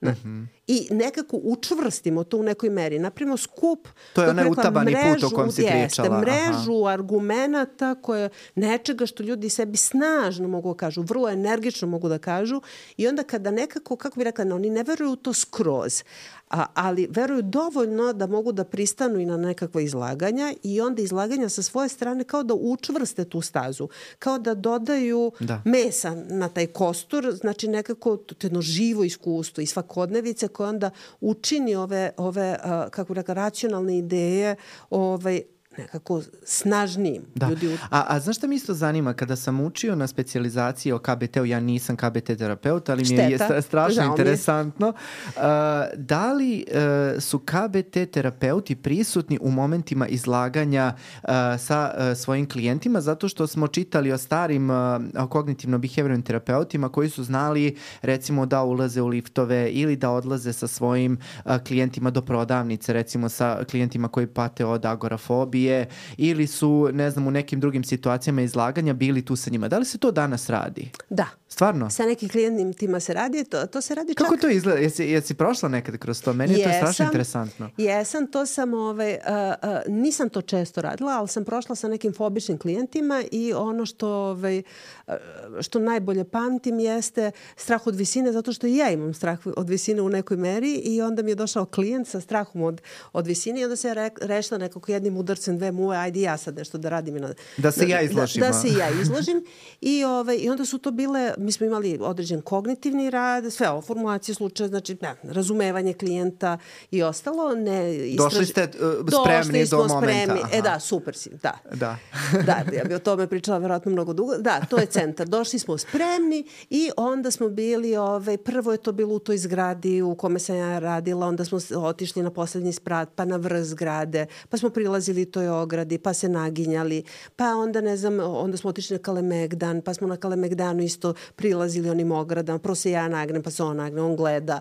Ove, tu ima i nekog učenja po modelu. Učenja po modelu i to bude dosta klijentima značajno i neki klijenti kao da nekako i ne mogu da krenu bez toga. I sad jedan još interesantniji primjer jeste ovaj slučaj koji sam videla na kongresu, to je dramatičan primjer. Nikad pre i posle nisam tako nešto videla. To je jedan, jedan čuveni kognitivno behaviorni terapeut, Salkovskis. Znači to je jedno od onih imena mm -hmm. onako, glavnih. Mm -hmm. on, on se bavi ovaj, zdravstvenom anksioznošću i OKP-om i on je pred nama skinuo svoju cipelu i olizao John. Znači, to je meni neverovatno bilo. Znači, neverovatno. Pa kao, što? Pa kao. Da bi nam pokazao, on to uradi sa klijentima o, o, i ove, Izvini, ja se sve vreme stresam. kao Dobro. ka- Kaže da je živi i zdravi i da se suštinski nije razboleo nikada od toga. Aha. O, neverovatno. I onda se oni recimo voze, ja dotle nisam stigla, znači to još nisam, nisam dotle sliga- stigla, ali ovaj, voze, se, voze se metrom, dođu kući, onda ovaj, ne operu ruke, onda nešto krenu zajedno da jedu i tako. Znači, i, i ti nekako kao da kada klijenti vide da ti nešto radiš, da ti nešto radiš, onda kao da se nekako rasplaše, lakše mi je da oni urade nešto, da oni urade to isto. Da. Um, Mislim, a mislim da smo i ovim našim primerima uh, danas u epizodi možda i uh, nekome ovaj započeli proces uh, razmišljanja o tome, recimo ovo što smo na, navodili strah od nastupa sa našim znojenjem Njem. i tako. Nećemo lizati džonove, Ne, a ne, to, to još sam uvek. namerno ispričala kao najdrama, nešto najdramatičnije što sam i ja, ona, ne znam s čim bi to uporedila, ali evo Volim da ukus ist- svoga džona. Samo to pa. ali ovaj, ne, ali meni je jako važno, meni je jako bilo važno to što je čovjek rekao, ja mu verujem, da se on suštinski ne razboljeva, da se Da, ne da, razboljeva. da. Mislim, meni je to bila informacija, ko zamisli kako je to interesantno. Kako je mo da, da, kako da. moguće. Da, da, da, kako sjajno, moguće. sjajno, stvarno. Stvarno nikad, nikad tako nešto nisam čuo, ali mogu da zamislim odakle to ide i Zamisli ti koja je koliko je poenta to, u i stvari. zamisli ti koliko je to dramatično. Da. I koliko je to tim ljudima nekako interesantno i, i ove, koliko, koliko je to menjajuće. E, ali kako bih ti rekao, u, u poslednje vreme mi smo toliko prepra, preplavljeni različitim sadržajima da nekada samo takve stvari mogu da urade. Znači, toliko Moguće. smo različitim stvarima šokirani, na Šokirani, dnevnom nivou. razumem. Ti sad kad Razumem. uđeš na TikTok vidjet ćeš bar 10 stvari koje će malo da te šokiraju, malo te podstaknu. Da li je to možda način, mislim, meni je fenomenalan taj čovjek, morat ću negde da ga potražim. Peter Ov- Salkovski. s- da. E, njega, znači, morat ću da ga potražim eto, i, i, i drugi ljudi mislim da, da bi trebalo eto to da vide, da, e, ali da razmišljaju na način da li je nama treba, potrebno stalno nešto da nas šokira da bi nas stimulisalo na promenu. Mislim, to je jako jedna velika šteta, znači što smo dotle došli, a mislim da većini ljudi, posebno ovih mlađih, da, jer su oni nekako navikli na jednu drugačiju stimulaciju od, onoga, od one na koju je na, navikla moja generacija i možda je stvarno za ove mlade ljude koje ovaj, to nekako, taj način još i bolji, upečatljiviji nego, ne znam, nego nekim drugim. Mislim, šteta je, bilo bi dobro da to ne mora tako, Da, da, da. ali, ovaj, ali Jeste, ali sad nekako i gledaš i tu literaturu savremenu i filmove savremene, mislim no, novijeg doba i serije i tako. Znači jako je bitno da to šljašti sa svih strana, da je to prepuno neke radnje, da je Jeste. stalno nešto iskače, Stalno nešto ubrzano. pucačina Znam, neka, znam, brzo, akcija, sve akcija, akcija, akcija. da, ide. Znam. Nema nešto, nije predugačka ni uvodna scena, ne sme, ne može da se gledaju ni oni kredits na kraju da prolaze. Znači sve mora da bude flashy, brzo, jako, ubrzano sve, jer ako nema toga onda nije ni popularno, nije, ni, Jeste. i jako mi je žao što je tako. Meni je izuzetno žao Da. što je to tako. A vidim i, i, i kod mene da se dešavaju promene. Nekako pažnja sve kraća i kraća. Kraća. Sve mi je teže da pročitam sve, što, što je duži neki a, recimo naučni članak ili što je ranije to bilo mnogo drugačije. Sada kad, ono, kada vidiš koliko je neki, koliki je neki tekst pa ti onda i teško nešto da pročitaš jer si Jeste. navikao da ti sve Jeste. se servira nekako na, na, na brz način. Da. To je velika šteta, ali možda odatle ide i onaj uh, jednim delom ljubav prema mindfulnessu ili punoj svesnosti koja je antiteza ovome. Da. E, to je, to, je da- ovaj, to je ovaj treći talas. E, molim te, sačuvaću to. E, prvo Dobro, moram da ti to ćemo kažem, posle. to ćemo posle. Znači imamo deo za Patreon gde sam ovaj, planirao da pričamo o trećem talasu ovaj, e, KBT-a. KBT-a, tako je. Ali moram da ti kažem, Tanja, prepuna si znanja, ne znam šta bih te, za sve bih te pitao isto vreme, a vidim i ti bi sve rekla u isto vreme, tako, Jao, da, smo, tako da smo se našli super. E, moram samo da te pitam vezano za druge poremećaje, pa ćemo se vratiti na, na ovo što smo, što smo pričali, malo smo skrenuli s teme. Dakle, a, kada govorimo e, o socijalnoj anksioznosti, to smo nekako, čini mi se, jako dobro pokrili, ali kada pričamo o drugom najčešćem uh, porem... Samo još sekund, nismo skroz pokrili. KBT, Ajde, e, reci mi, Ovaj, aha. samo da dodam, znači, pored ove kognitivne restrukturacije i ovih, uh, kako bih rekla, izlaganja, znači, jako je važno za socijalno anksiozne klijente uh, da nauče određene socijalne veštine, od kontakta, Mhm. očima, ali to je jako velika razlika sa psihoanalizom ili nekim drugim terapijama. Razumeš, oni moraju i da nauče nešto, ne samo da nešto shvate, nego da nauče neke nove stvari od kontakta očima, small talk, da pričaju o nekom filmu, O bilo čemu, vremenu. vremenu, Mhm, da, uh, da nauče da se zauzmu za sebe, da kažu svoje mišljenje, asertivnosti i tako dalje. Tako da je ono, kao, kako bih rekla, svaki od tih a, a, a, poremeća ra, u radu sa, sa, sa tim ljudima kao da postoje i neke zajedničke crte, ali postoji neke specifičnosti a, specifičnosti u radu, tako da recimo sa socijalno anksioznim ljudima je jako važan eto to, rad na razvoju socijalnih veština, na povećanju socijalnih kontakata, jer to je nešto, to su ta stidljiva povučena deca koja su ceo život nekako bila po strani, dok smo mi ostali se družili, flertovali, rastajali, svađali, mirili i tako dalje. Oni, ni, oni su se trudili da budu po strani i onda oni, oni moraju da razviju sve te veštine. Tako Sve da je dok to pričaš imam jedan... asocijaciju sebe iz, za vreme studija. Koliko to može nekome da deluje banalno? Čuj, uh, uh, ovaj small talk. Mislim, to Da. je ono... Uh, kako, kako mi to kažemo na srpskom? Jel imamo mi reč za Pa small ja talk? mislim da nemamo. Ba, neko, kao neobavezna priča, recimo o vremenu i tako Jest. dalje. Koliko je to može da deluje banalno, ali koliko to može da stvori problema? Ja sam Jeste. uvek imao problema sa small talkom. Sa određenim tipom ljudi, koje neću sad da govorim, da me ne bi neko osuđivao, ali stvarno, znači imam problem kada, kada mi neko dođe i priča o vremenu, ja kada ne vidim poentu nekog razgovora, ja taj razgovor ni ne započinjem. I onda deluješ e, e, ali čudno. pazi, to je drugo, to je nešto drugo, to je tvoj izbor da ne započinješ. Ovo su ljudi koji nemaju, misle da nemaju izbor i oni jednostavno ne Aha. znaju šta bi rekli. Razumeš, ovo je drugo, ti si izabro jer te nešto ne zanima, a ovo je oni kada bi najviše na svetu želeli, oni ovaj, ne, ne mogu da se usude ni da priđu toj osobe, kamo li da stoje tu tri sekunde i da nešto kažu. Mm, mm. Tako da onda Razumem. malo je drugačije. Razumem. A kada govorimo o drugom jako čestom poremećaju, to je poremećaj uh, generalizovani anksiozni. O tome smo pričali Olivera i ja uh, nadugačko i naširoko u našoj epizodi, uvodnoj epizodi o anksioznosti. Uh, šta je tu glavno predubeđenje ljudi, koja je to ta kognitivna distorzija o kojoj, ovaj, o kojoj možemo da pričamo sad, uh, šta je to što je inicijalna misao, što osobe uh, pravi da su konstantno pod nekom strepnjom? A, ima više modela u KBT-u, znači generalizovanog anksioznog poremeća, kao da je on nekako najmutniji, aj tako da kažemo, mm -hmm. u odnosu na ove ostale. E sad, jed, jedna od tih stvari koja se izdvaja svakako jeste netolerancija na izvesnosti. Možemo da kažemo da su oni, kao što je rekao, alergičan na kikiriki, pa i najmanja doza ki, ono, kikirike, uzmeš pola kikirike i sav se ospeš.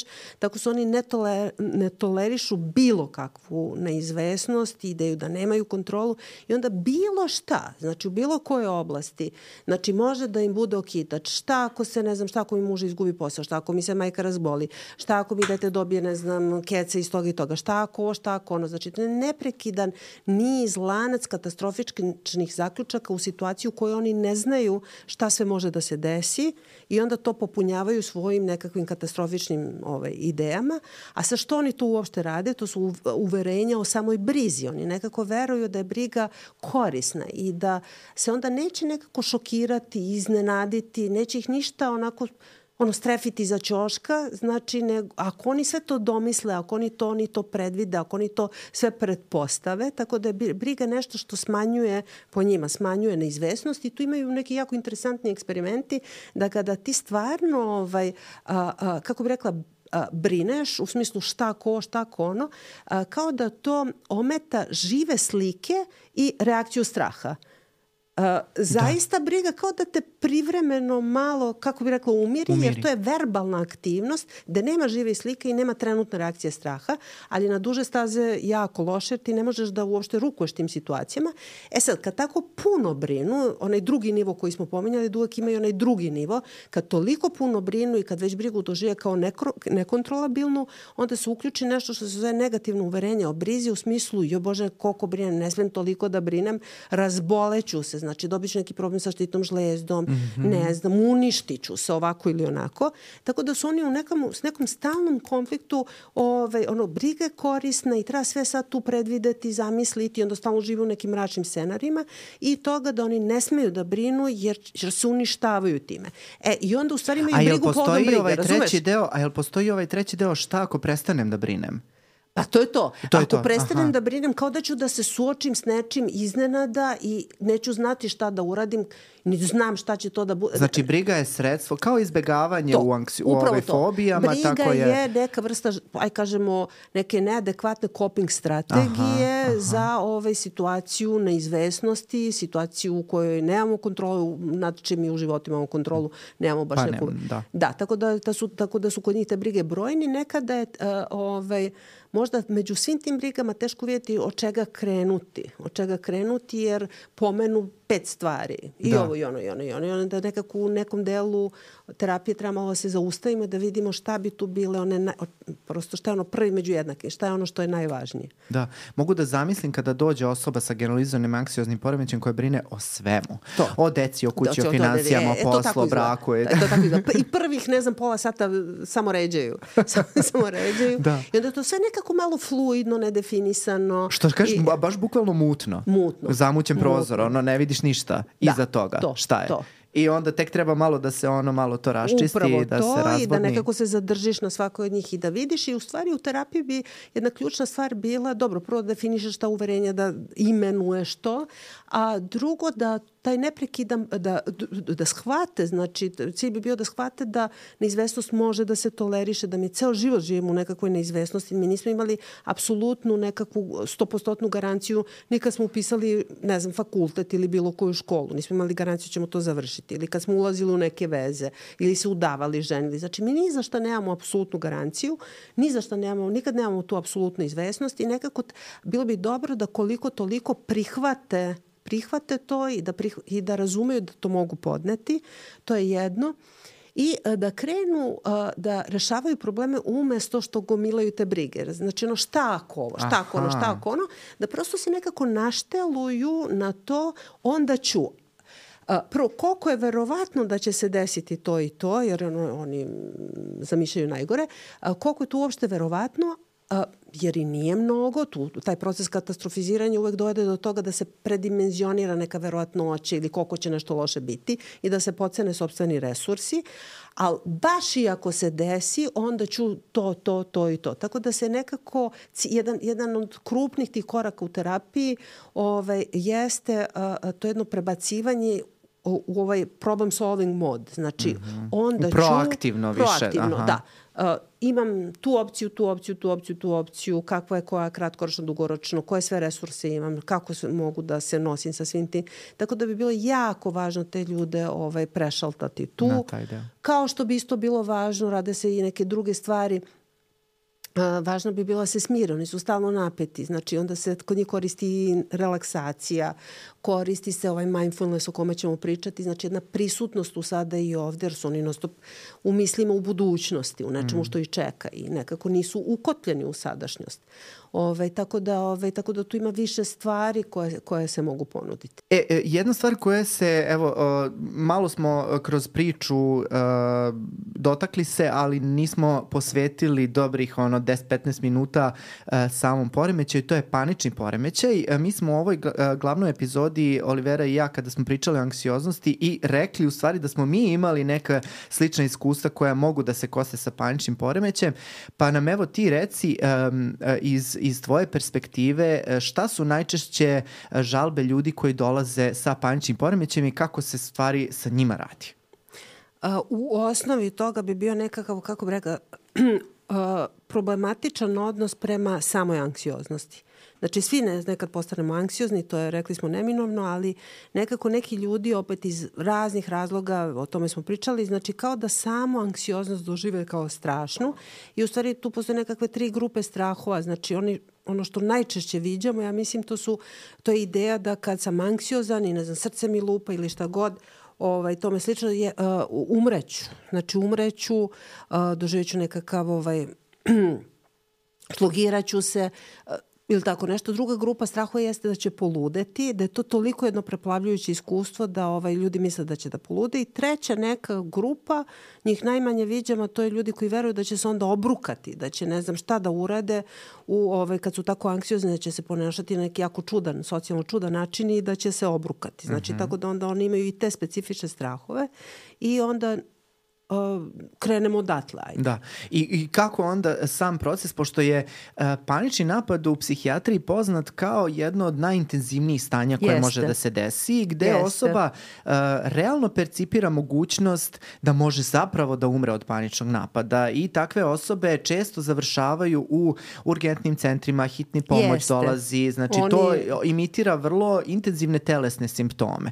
Kako uh, raditi sa tako jednom dramatičnom kliničkom paničkom slikom? Jesi uopšte doživela da ti nekada u procesu e, terapije neko doživi panični napad i, ili tako neku situaciju da, se, da, da, da je jako intenzivna jer e, verujem da je vrlo pipav rad zato što je e, e, strah e, izuzetno, izuzetno veliki, da. Ono što bi bio nekakav preduslov za rad jeste da su ti ljudi ispitani, prosto da su bili kod lekara, da su bili kod kardiologa, da su prošli razne provere i onda i oni to često sami urade, nekada nađu, znaš ono kako ljudi ne veruju lekarima, znači dođu posle treće kardioga, tek onda nekako...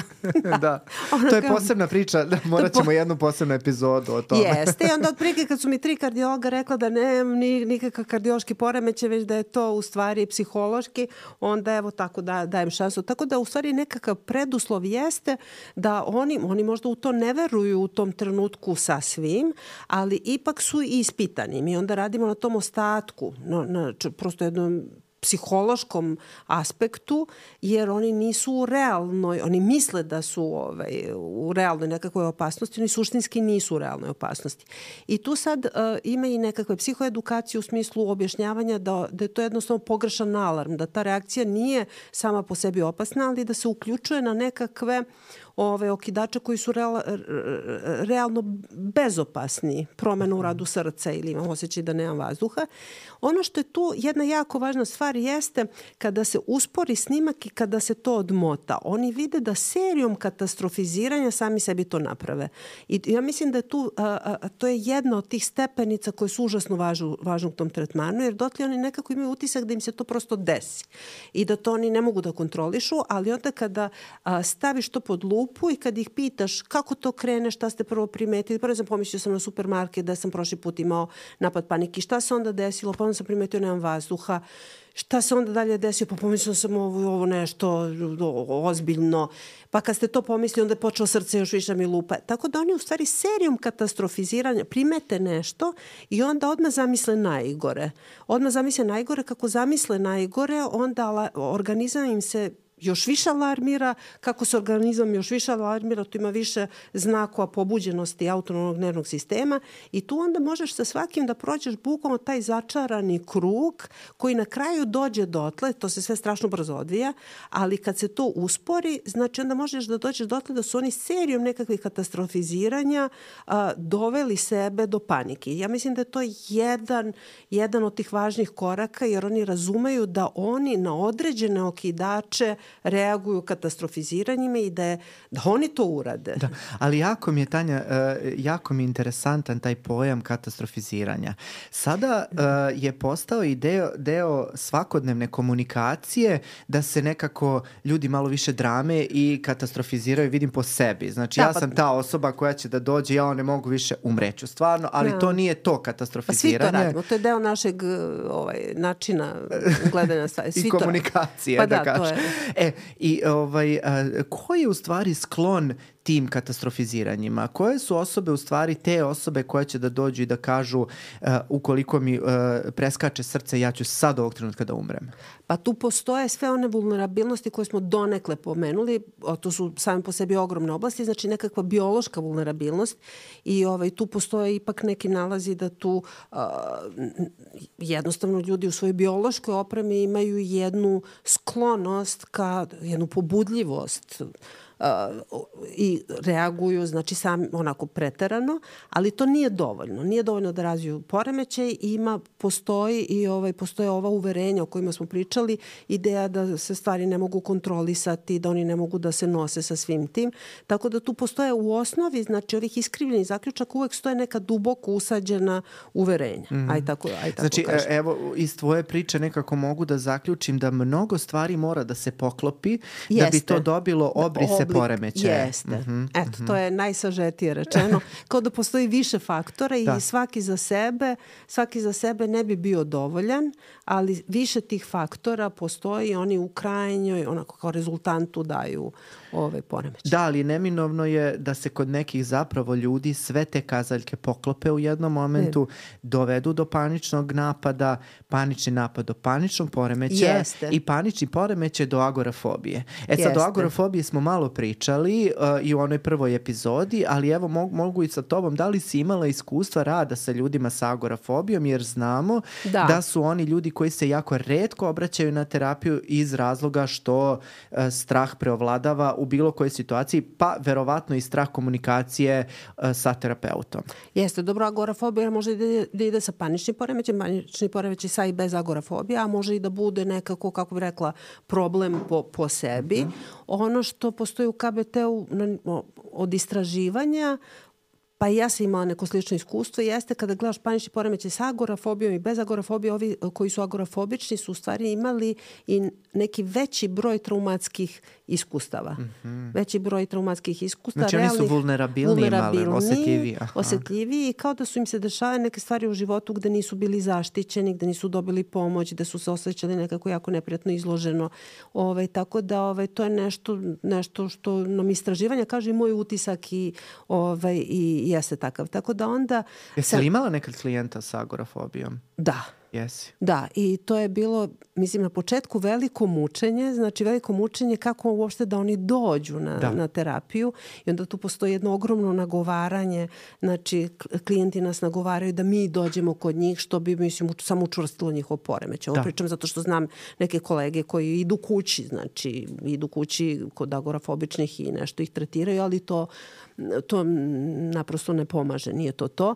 E sad, to utabava ovu pogrešnu stazu. Pa, je, mhm. utabava ovu pogrešnu stazu, znači oni moraju da dođe sad u neko prvo vreme, oni dođu u pratnji nekog drugog, to je ono što mi iskustvo, znači neko ih dovede, sačeka. A to je ta onda, sigurna osoba sigurna njihova. Sigurna osoba aha. jeste, zaštitno ponašanje, zaštitno znači ponašanje. oni dolaze sa nekim, ali onda posle kako tretman odmiče, onda, onda otpustimo tu osobu i onda oni ovaj, dolaze. Da. Da, mnogo interesantno.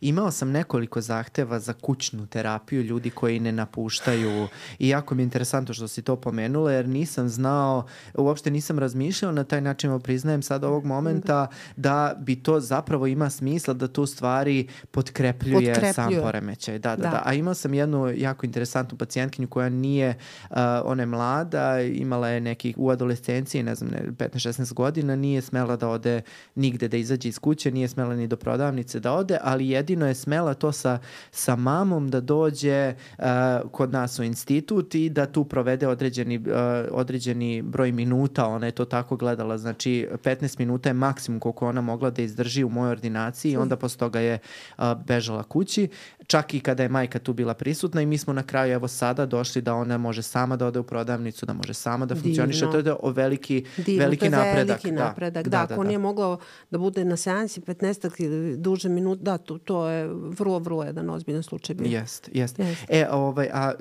evo pričamo o tom fobičnom ponašanju, izbegavanju, a, nešto što najviše karakteriše, karakteriše specifične fobije. Da. I osim ovih generalizovane anksioznog i socijalne fobije, zapravo a, specifične fobije predstavljaju najčešći vid a, ovaj, anksioznih poremećaja i nekako prolaze nam ispod radara zato što ne remete funkcionisanje u nivou u kom remete ovi drugi veći, da kažem, po znacima navoda poremećaj, osim ukoliko nam uh, su nam bitni za život. I Olivera je nekoliko puta već pome, uh, pomenula da ukoliko imamo strah od letenja, neku osobu koja ne putuje mnogo, to neće mnogo da remeti. Međutim, ukoliko radiš kao stewardesa, bit će ti veliki Biće problem. Da. da, u stvari možda oni jesu najčešći, ali ovaj, pojenta je da od svih ovih anksioznih poremećaja ja njih najrađe viđam.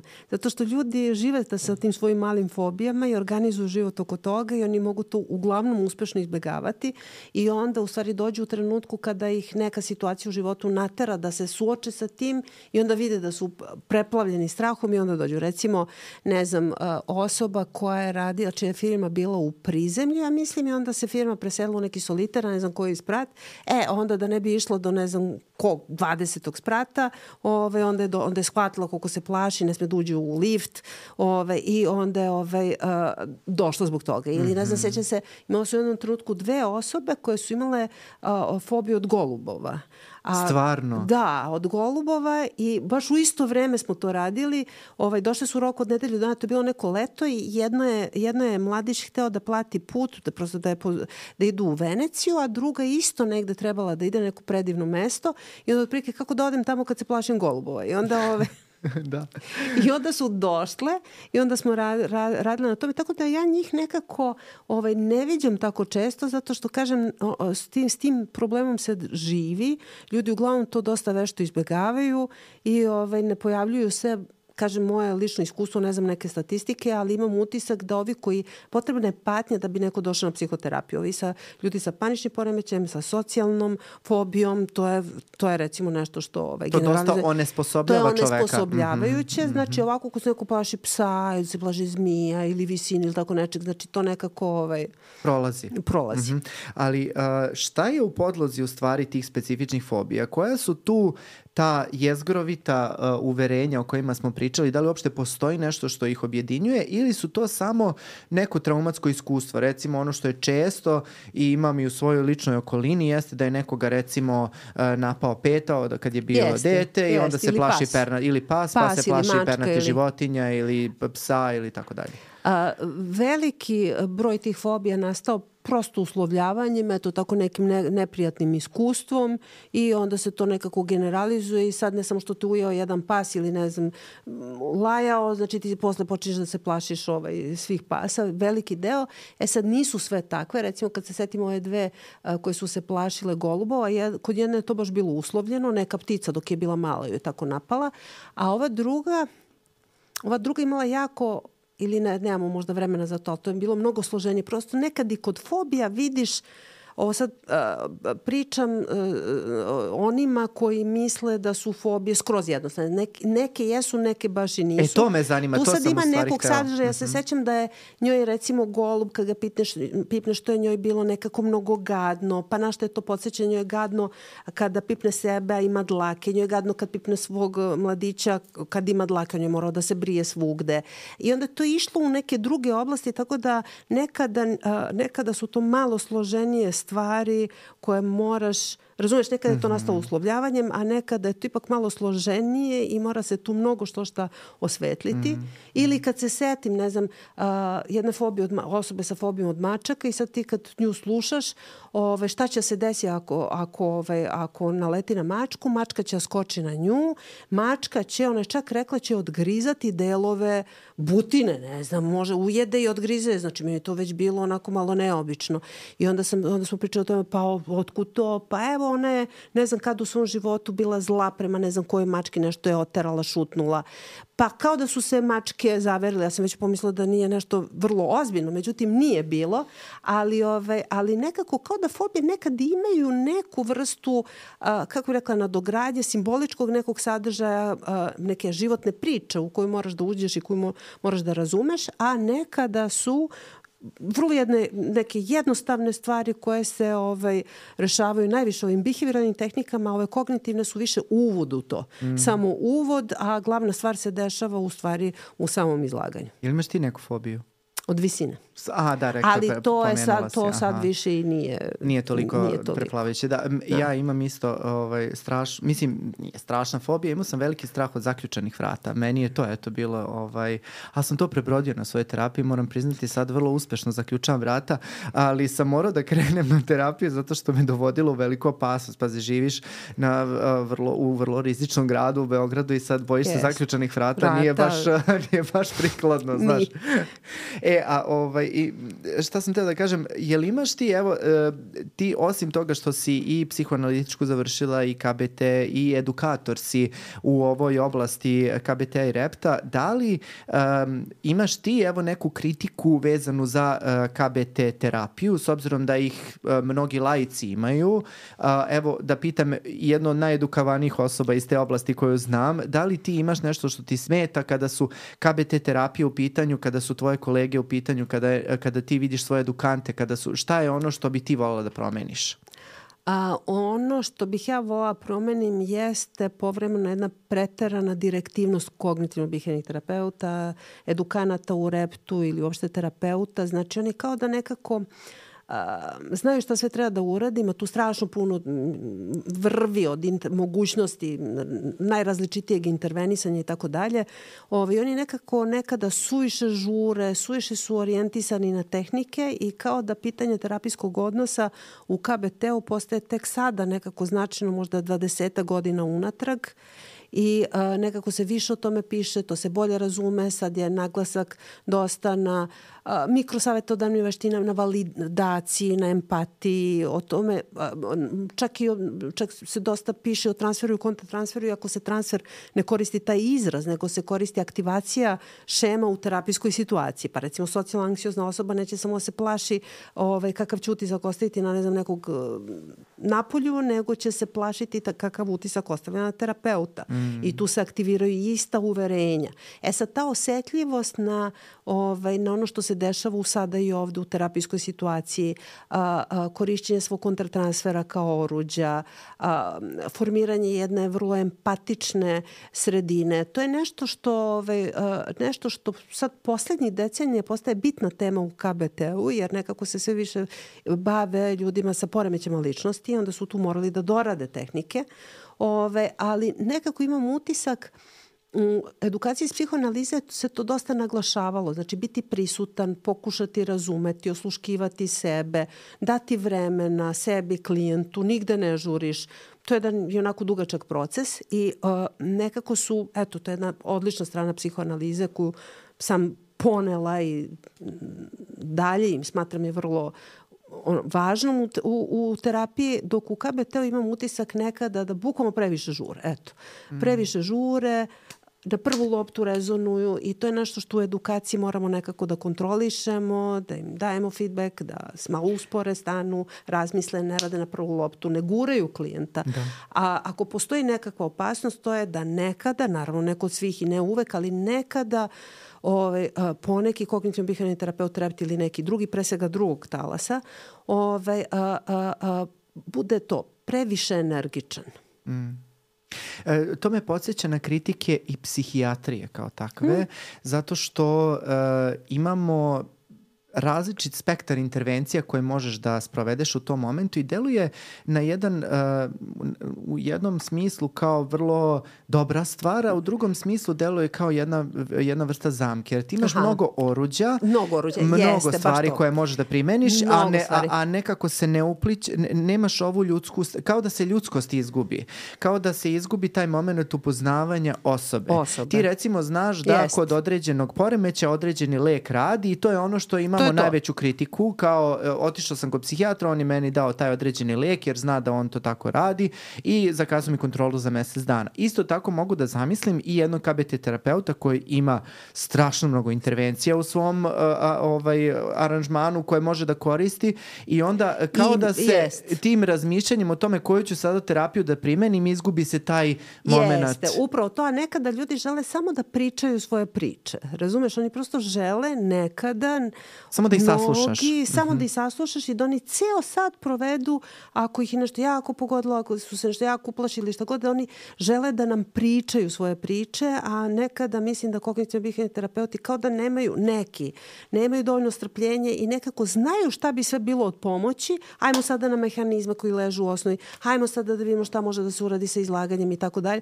Znači kao da eto malo žure neki, ali mislim da su sada ono što je dobro postali svesni toga, postali svesni toga i nekako se korigu. Da. Eto, to je...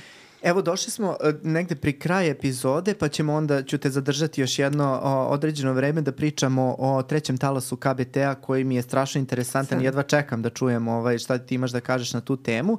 Pre nego što završimo, mislim da smo poslali jako jednu dobru poruku u celoj epizodi, a to je da je anksioznost izlečiva i da pomoći Jest. ima. Ali da ne, e, ne možemo nikad doći u situaciju da uopšte ne osjećamo nikada anksioznosti. Tako je, tako da. je. Znači, uh, patološka anksioznost ima rešenje. Ima rešenje. E, znaš šta me samo zanima za sam kraj? Uh, preplavljeni smo različitom literaturom. Znači, u jednom momentu uh, ti kada uđeš na društvene mreže i ukucaš, uh, ne znam, anksioliza ili uh, rešavanje anksioznosti, uh, preplavit ćete različiti sadržaj pozitivne psihologije, različiti drugi uh, terapijski pristupi, pet načina kako se rešiti anksioznosti, deset Jao, načina da. kako rešiti Jao, svoju da. fobiju, 15 načina kako videti da je anksiozna majka tebi prenela način razmišljanja i tako dalje i tako dalje. Da li postoje nešto uh, za što ti smatraš kao jedan od najedukovanijih ljudi u ovoj oblasti u naš, na našim prostorima, da li smatraš da postoji neka literatura koju bi ti mogla da preporučiš našim slušalcima koja bi bila od pomoći ukoliko ih zanima, bilo da su to stručnjaci ili ljudi koji nisu u, u, u vodama psihoterapije, ali ih prosto interesuje nešto na ovu temu? A, postoji nekoliko odličnih a, stručnih knjiga, sad ja nisam sigurna koliko će ljudima to biti pitko, razumljivo, jasno. Ali evo za ali, kolege, pošto nas i kolege gledaju. A, jedna od tih knjiga a, jeste jedna stara knjiga, Starčevićeva knjiga Bez straha o strahu, to je odlična knjiga, ili knjige a, koleginice Borjanke Batenić koja je sa mnom u edukaciji, ja mislim da na tri knjige napisa Paniš i poremeće socijalna a, anksioznost i mislim da je OKP. Mm -hmm. ovaj, a, Milan Latas je napisao knjigu o, o anksioznim poremećima. Ima jedna, pored toga setila sam se, uh, ima još jedna jako dobra knjiga o samoj anksioznosti Ljiljana Mihić, to je koleginica sa Novosadskog fakulteta koja je napisala jednu odličnu knjigu o anksioznosti. Tu se ne pominje toliko tretman, ali sama anksioznost i anksiozni poremeći nastanak modeli i tako dalje, to je odlična knjiga. Ali evo kad pričamo o popularnoj A literaturi. A o popularnoj literaturi, nažalost, ovaj, nažalost mi toga imamo jako malo. Ja ne znam nijednu knjigu koja bi bila kvalitetna, baš se bavila anksioznošću. Mm -hmm. ovaj, možda bi mogli samo neke opštije knjige tipa uh, Mil, knjiga Milana Milića 2 plus 2 su 4 samo za pametne, to je mm -hmm. znači nekako uopšte o terapijskom postupku, mm -hmm. uh, pa sad to može da se odnosi na anksioznost i na bilo koji drugi problem.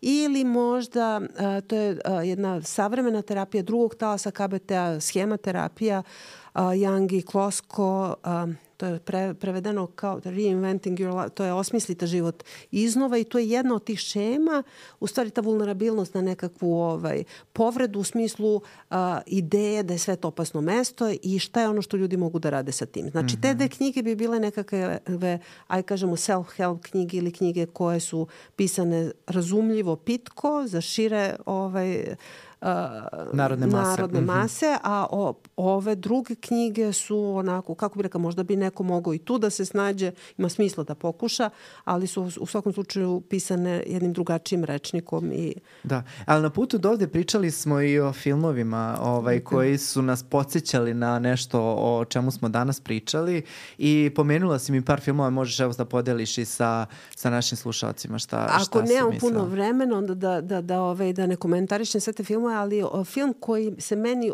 od tih filmova koji se bave anksioznošću, u smislu da je glavni junak protagonista, neko ko ima problem sa anksioznošću, meni se ja mislim, najviše sviđa uh, film Kraljev govor. Ja, tu si me oduvala. Znači, Kraljev... Obožavam taj film. Znači, ja to je stvarno, film. Colin Firth je tu Jeste. genijalan i stvarno genijalan. najbolje portretisan uh, poremećaj anksioznosti Jeste. znači, i koji se preovladava na kraju. I, ali tu ima ono što je interesantno, znači, ove, uh, uh, i uh, nekih elemenata, malih elemenata onog uh, što radimo u KBT-u. Čak i toga ima. Iako ovaj, čovjek koji mu pomaže nije terapeut terapeut, on čak nije ni lekar, on je neki propali glumac koji je učio neke tehnike, ne znam, disanje ili ne znam, dikcije, ne znam šta sve na glumi, ali je vrlo kreativna osoba, tako da tu ima i priča o njegovim traumatskim iskustvima, znači on je glavni junak koji posle postaje kralj engleski, znači on je traumatizovan, može se reći traumatizovan. On ovoj osobi priča o traumatskim iskustvima, priča ovaj, o, o, ispoljava osjećanja, pokazuje dosta besa, a, uči relaksaciju, a, uči nova ponašanja, kako da diše, kako da govori, kako da, znači, onda uči po modelu neke stvari. Tako da tu ima a, ponešto, ovaj, ponešto naravno, ne baš, to nije baš pravi KBT naravno, ali ima neke, neka zrnca nečega što bismo mi, mi svakako sprovodili i nekako je nekako jako je lep film, lep je kraj, yes. nekako je optimističan kraj, može onako da nas Kao nadam motiviš. se naša današnja epizoda, da je onako u pozitivnom e to, to, to, to, to, to, to. Tanja, mnogo ti hvala što si bila naš gost danas. Uh, ja nadam se da će drugim ljudima da bude inspirativan ovaj razgovor kao i meni. Stvarno si me navela na mnogo razmišljanja i uh, s obzirom da si toliko prepuna znanja, ja jedva čekam. Uh, Ostajem dužna te... o mindfulnessu, ali to možemo neki drugi put. To ćemo sada za to Patreon je. malo da pomenemo, ali moram samo da ti kažem kažem da neću ni da te pitam, nego te već planiram za sledeću epizodu, zato što si me ovaj, oduševila svojim nastupom i količinom mi. znanja, tako da nadam se evo da ćeš nam doći ponovo i da ćemo imati neku drugu temu da pričamo. Ali ti si divan sagovornik, ja mislim da je ovaj, to većim delom zbog tebe, jer ti neka, nekako ovaj, nekako postavljaš prava pitanja, pa onda čak može i da da odgovor. E, mnogo ti hvala. I ljudi, hvala i vama što ste danas bili sa nama. Ukoliko vam se svide ovaj naš razgovor, mi vas molimo eto da nas podržite tako što ćete lajkovati ovu epizodu, komentarisati šta vam se svidelo, šta vam se možda nije svidelo, kako da unapredimo ovaj naš podcast. Znate da smo tu najviše zbog vas. Nadam se eto da vam je, da ste nešto iz ovog razgovora naučili i možda i uspeli da primenite. Sada sledi a, snimanje za našu epizodu na Patreonu. Hvala vam još jednom što ste bili sa nama i vidimo se sledeće nedelje. Ćao!